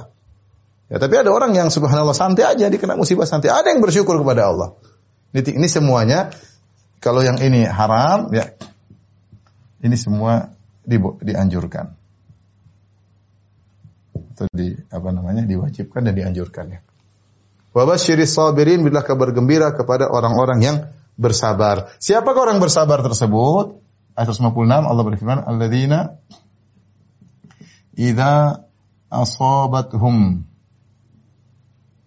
musibah qalu inna lillahi wa inna ilaihi raji'un."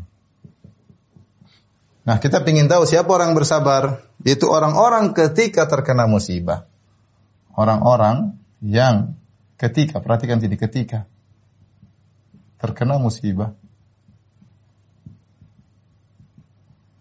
Mereka berkata,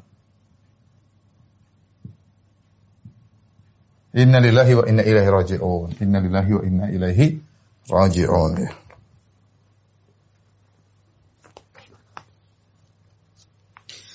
Uh, perhatikan di sini. Uh, ternyata kata uh, Al-Alusi rahimahullah, alladzina idza asabathum. Sini kata ketika menunjukkan bahwasanya pahala atau ganjaran mereka mereka langsung dapatkan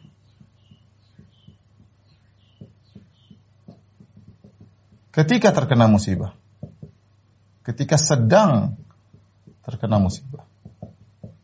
Jadi bukan bukan ganjarannya bukan muncul nyusul belakangan, bukan. Bukan ganjaran nyusul belakang tidak. Ketika terkena sedang diuji itu langsung dapat pahala. Tapi syaratnya apa? Ketika diuji langsung mengucapkan innalillahi wa inna ilaihi raji'un. Ya. ya. Makanya mereka langsung dapat pahala. Dan ini sama seperti sebagaimana sabda Nabi SAW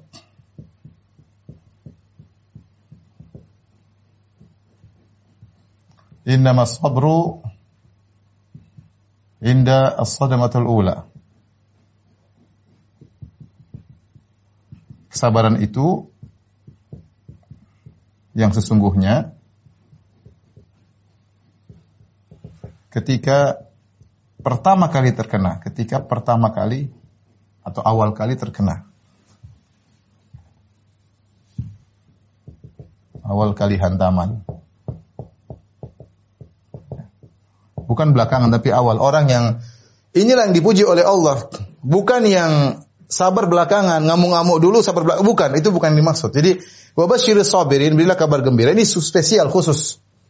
Siapa orang tersebut yang dipuji oleh Allah yang dapatkan keistimewaan yaitu yang di mereka bersabar ketika pertama kali hantaman. Alladzina idza asabatum musibah mereka langsung berkata innalillahi wa inna ilaihi raji'un. Sungguhnya kami ini milik Allah dan kepada kamilah kepada Allah kami akan kembali.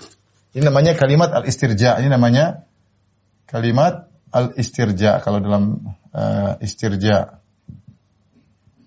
Istirja. Yang artinya uh, kami milik Allah, kami ini milik Allah dan kepadanya kami kembali dan hanya kepadanya kami kembali. Nah, eh, apa makna faedah dari kalimat ini?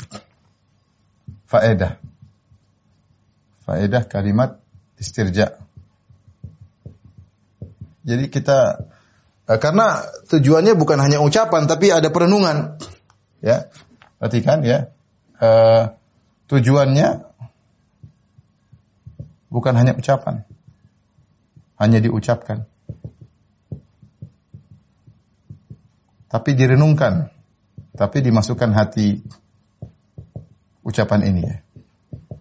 Kami ini milik Allah, perhatikan. Kami ini milik Allah dan kami akan kembali kepada Allah Subhanahu wa taala. Untuk mengingatkan mengingatkan tujuan kita diciptakan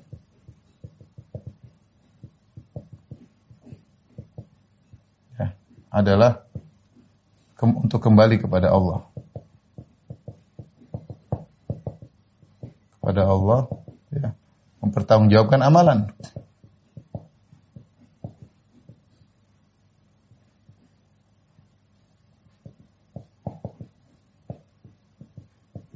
Kalau orang ingat inna lillahi inna ilaihi kita akan kembali kepada Allah ringan bagi dia.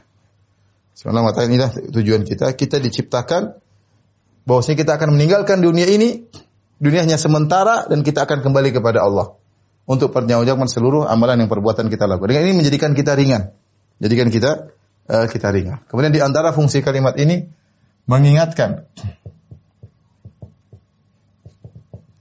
bahwa pahala bahwa ganjaran di sisi Allah jauh lebih besar, berlipat ganda daripada yang Allah ambil ambil dari kita di dunia. Ini kalimat ini fungsinya demikian di antaranya. Di antara fungsi kalimat ini, jadi kita tahu kita kembali kepada Allah untuk apa? Untuk mendapatkan pahala. Maka apa yang Allah ambil ya ada, memang sakit, mungkin memang sedih, tapi ingat apa yang Allah siapkan untuk kita lebih besar daripada daripada apa yang Allah ambil dari kita. Berat memang harta diambil, harga diri terkadang diambil, dihancurkan oleh orang, dizolimi dan yang lainnya. Uh, terkadang anak diambil, keluarga dekat yang kita sih diambil oleh Allah. Tapi kita tahu ini semua ada ganjaran besar daripada yang Allah ambil dari dari kita. Ini membuat seorang menjadi uh, menjadi sabar ya. Dan di antaranya juga mengingatkan diri kita, harta kita, semua yang kita cintai milik Allah. Allah berhak mengambilnya hanya titipan, hanya titipan bagi kita.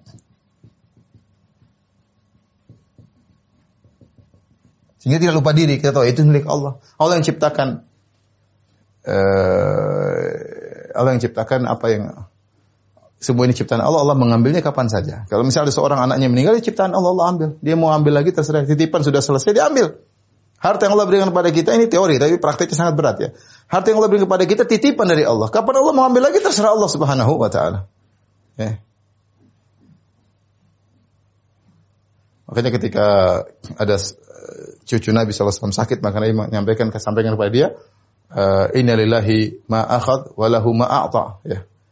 Allah, apa yang Allah ambil itu milik Allah dan apa yang Allah berikan juga milik milik Allah. Jadi semua adalah milik Allah Subhanahu wa taala. Dan ini menjadikan seorang untuk uh, apa namanya? husnuzan dan kemudian lebih sabar dan yakin di balik ini semua ada ada hikmah.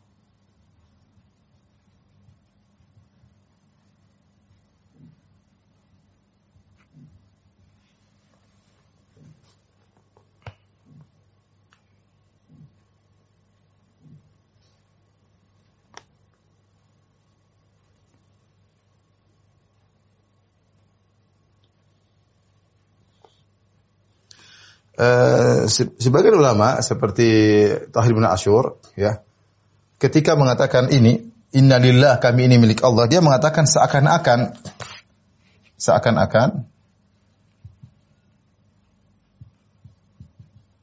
hamba yang terkena musibah diingatkan terkena musibah uh, sedang bisa jadi lupa bisa jadi lupa. Maka diingatkan karena kita ini manusia kalau sudah punya seakan-akan milik kita murni. Ketika diambil baru kita ingat ternyata milik Allah Subhanahu wa taala. Maka segera kita ingatkan diri kita dengan mengatakan innalillah wa inna ilaihi rajiun. Inna wa ilaihi rajiun ya. Sehingga hal ini menguatkan uh, menguatkan menguatkan diri kita. Ada lagi tambahan, inilah namanya kalimat istirja dalam hadis juga eh, plus disuruh untuk tambahan mengucapkan apa? Tambahan mengucapkan uh, Allah ma'jurni Allahumma jurni fi musibati wa akhlif li wa akhlif li khairan minha. Ini uh, dianjurkan juga selain kita mengucapkan la ilaha kita mengucapkan ini Allahumma jurni fi musibati wa akhlif li khairan minha. Ya Allah, berilah ganjaran padaku ya, pada musibahku ini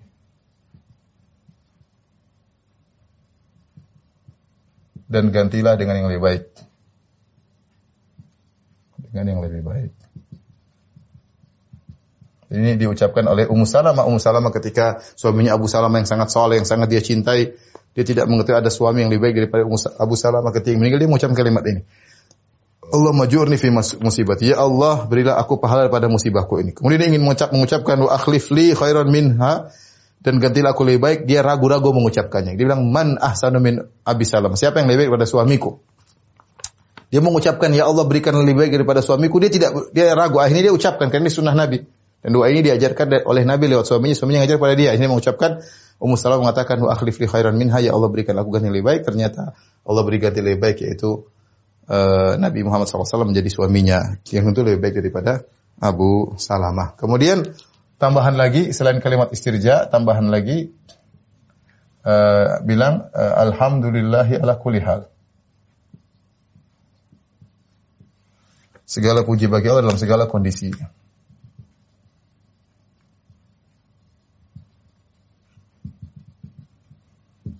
Dalam segala kondisi. Kalimat ini alhamdulillah ala kulli hal dalam segala kondisi untuk mengingatkan kita ada untuk mengingatkan di balik musibah ada ada ada hikmah ya. Ibu yang dirahmati Allah Subhanahu wa taala ya. Uh, ini mengingatkan di balik musibah ada ganjaran. Di balik musibah ada ganjaran. Kalau bersabar dan diganti dengan lebih baik. Jika seorang insya Allah ketika terkena musibah, langsung sebelum kata-kata yang lain dia ucapkan tiga kalimat ini. Dia mengucapkan innalillahi wa inna. Alhamdulillah ala kulli hal. Kemudian Allahumma ajurni fi musibati wa akhlif li khairan minha. Insya Allah dia kuat. Allah akan meneguhkan hatinya. Kita ini hati ini kita lemah. Kalau Allah tidak kalau Allah tidak ikat hati kita kita sulit untuk bisa tegar. Tapi kalau kita ucapkan katakan dengan kita sekedar bukan ucapan, kita renungkan, ya maka musibah bisa saja menimpa kita. Dari anak-anak, dari istri, dari suami, dari tetangga, dari orang tua, banyak musibah bisa dari banyak sisi mengenai kita. Maka langsung mengatakan inna lillahi wa inna ilaihi raji'un. Ya Allah, kita ini milik Allah, kita akan kembali kepada Allah. Allah majurni fi musibati hadhi. Kemudian wa akhlif li khair. Allah majurni fi musibati wa akhlif li khairan minha. Ya Allah berikan aku ganjaran dan gantilah dengan yang lebih baik, maka insya Allah kita kokoh. Makanya uh, ketika orang ingat Allah hati menjadi kokoh. Seperti uh, ketika istrinya, uh, ibunya Nabi Musa, ketika Nabi Musa dia lepaskan di di sungai Nil, kemudian diambil oleh Fir'aun, dia gelisah. Ya. Ya. Fasba'a fu'adu ummi Musa farigha in kadat latubdi bihi walaula an rabatan ala qalbiha litakuna minal mu'minin. Kata Allah, hatinya menjadi kosong ketika dia tahu Musa yang kecil diambil oleh keluarga Firaun. Ingkadat la tubdi hampir-hampir dia cerita ini anak saya. Laula an rabatna ala qalbiha kalau bukan kami teguhkan hatinya. Jadi kalau kita baca kalimat ini Allah akan teguhkan tegarkan hati kita sehingga kita beriman sehingga kita bisa kuat ya. ya. Wa rabatna ala qulubim id qamu faqalu rabbuna rabbus samawati seperti Allah sebutkan dalam pada pemuda-pemuda Al-Kahfi Allah mengatakan warabatana ala kulubim kami kokohkan hati mereka. Jadi hati ini perlu diikat oleh Allah dikokohkan di antaranya dengan mengucapkan tiga uh, kalimat ini. Taib uh, ayat terakhir yang kita uh, sampaikan kata Allah Subhanahu wa taala Ulaika alaihim salawatu min rabbihim wa rahmah. Mereka itulah orang-orang yang mendapatkan solawat dari Rob mereka, warahmah dan juga dapat rahmat. Wa ulaika humul muhtadun dan mereka adalah orang-orang yang mendapat hidayah. Apa maksudnya solawat? Dari Rob, orang yang sabar dikasih solawat dari Rob. Ada khilaf di kalangan para ulama. Ada yang mengatakan solawat maksudnya adalah tazkiyat wal maghfirat. Salawat dan ini disebutkan oleh sebagian ulama tafsir tazkiyat wal maghfirat itu Allah memberikan kesucian dalam hatinya karena dia bersabar imannya semakin bertambah diberi kesucian oleh Allah Subhanahu wa taala uh, hatinya semakin kuat ya. Dan itu faedah dari kesabaran. Wal maghfirat maksudnya Allah akan berikan ampunan. Dia bersabar argo ampunan jalan terus. Argo ampunan jalan terus ya. Dan ya, pahala sabar luar biasa. Inna ma yuwaffas sabirun ajrun bighairi hisab. Sungguhnya orang yang bersabar pahalanya berjalan tanpa hisab. Ini sebagian ulama pendapat ini. Sebagian ulama mengatakan yang dimaksud dengan solawat adalah uh, adalah uh, pujian Allah, pujian Allah kepada sang hamba di hadapan para malaikat. Ya, solawat mir Rabbi, Allah muji hamba ini di hadapan malaikat. Seperti tadi, ketika Allah mengatakan kepada para malaikat, hal qabattum samarata fuadihi, kalian telah mengambil uh, buah hati hambaku, kata malaikat, iya, apa yang diucapkan oleh hambaku?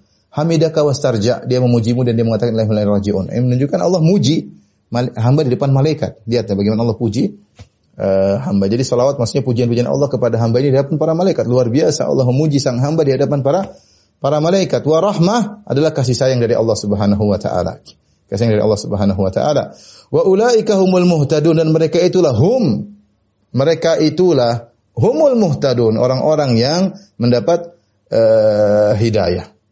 Mereka orang yang mendapat hidayah ya. Yang seakan-akan di sini ada hum hum di sini dhamirul fasal seakan-akan membatasi, yang lain tidak dapat hidayah. Artinya benar-benar mereka dapat hidayah yang banyak. Orang yang bisa bersabar itu benar-benar orang yang dapat hidayah. Kenapa? Karena sebagian orang tatkala terkena musibah dia segera merontak, berontak ya, protes dan yang lainnya, melemparkan kesalahan kepada uh, mencari kambing hitam dan macam-macam ya. Mereka ini tidak, mereka dapat. Musibah-musibah yang menimpa mereka tidak uh, menggoyangkan mereka ya, sehingga mereka benar-benar dapat hidayah. Karena tidak semua orang bisa seperti itu. Ada orang teori gampang, kita teori tentang sabar, tentang, tapi kita ketika diuji nggak bisa. Berarti kita belum dapat hidayah untuk masa ini hidayah yang luar spesial. Maksud saya ini hidayah spesial. Sampai Allah mengatakan wa ulaika hum. Mereka itulah yang hanya mendapat hidayah, maksudnya hidayah spesial bagaimana bisa tegar di hadapan uh, ujian-ujian kehidupan. Lihatlah bagaimana uh, kaum Nabi Musa ketika Eh, mendapatkan ujian, mereka melemparkan sebab kepada Nabi Musa, mencari kambing hitam, ya. Wa in tusibum sayyi'atun yatayyaru bi Musa wa ma'ah, ya. ya kaum uh, Firaun dan pengikutnya ya atau orang yang di zaman Nabi Musa ketika mereka dapat musibah keburukan ya tayyaru bi Musa wa ma'ah kata mereka ini gara-gara Musa dan orang-orang yang bersamanya kita terkena kesialan kata uh, Firaun dan bala tentaranya ya, penduduk Mesir suku Akbat mereka menganggap demikian jadi ketika dapat musibah cari kambing hitam. Ya. Eh, di sebagian orang seperti itu. Ini namanya tidak dapat hidayah. Cari musibah gara-gara kamu, gara-gara kamu istrinya disalahkan, anaknya disalahkan. Salahkan dirimu sendiri dan kembali kepada Allah tegar ya. Demikian juga perkataan orang munafikin kepada Nabi kata Allah wa intusibun sayyi'atun yaqulu hadhihi min indik. Kalau mereka terkena musibah mereka mengatakan ini gara-gara engkau wahai Muhammad. Mereka melemparkan kesalahan. Mereka tidak dapat hidayah, tidak dapat hidayah. Oleh karenanya orang bersabar ini orang spesial ya sehingga Allah mengatakan ulaik ulak ulaika itu mereka itulah ula, ulaika itu dalam bahasa Arab artinya kata tunjuk jauh. Seakan-akan jauh. Ulaika mereka itulah kata para ulama kenapa digunakan kata tunjuk jauh untuk menunjukkan tingginya uh, kedudukan mereka. Seperti firman Allah, "Dzalikal kitab." Kitab itulah padahal Al-Qur'an di depan. Allah tidak mengatakan kitab ini, tapi Allah mengatakan kitab itu. Ini metode uslub bahasa Arab untuk menunjukkan tingginya kedudukan kitab tersebut. Makanya Allah mengatakan, "Dzalikal kitab." Kitab itulah. Seperti ulaika, mereka itulah, ya. Itu menunjukkan kedudukan mereka yang tinggi. Jadi sabarnya adalah ibadah yang luar biasa. Di antara hal yang sangat membantu kita untuk bisa bersabar, kita tahu sabar itu ibadah. Bukan cuma baca Quran, bukan cuma bersedekah. Kita bersabar, ya. Dari ocehan orang, dari musibah yang menimpa itu argo pahala jalan jalan terus. Wallahu alam bisawab. Demikian saja. Tapi ini saja yang bisa uh, saya sampaikan. Kurang saya mohon maaf. Insyaallah kita lanjutkan dua pekan lagi. Wabillahi taufiq hidayah. Assalamualaikum warahmatullahi wabarakatuh. Subhanakallah bihamdika.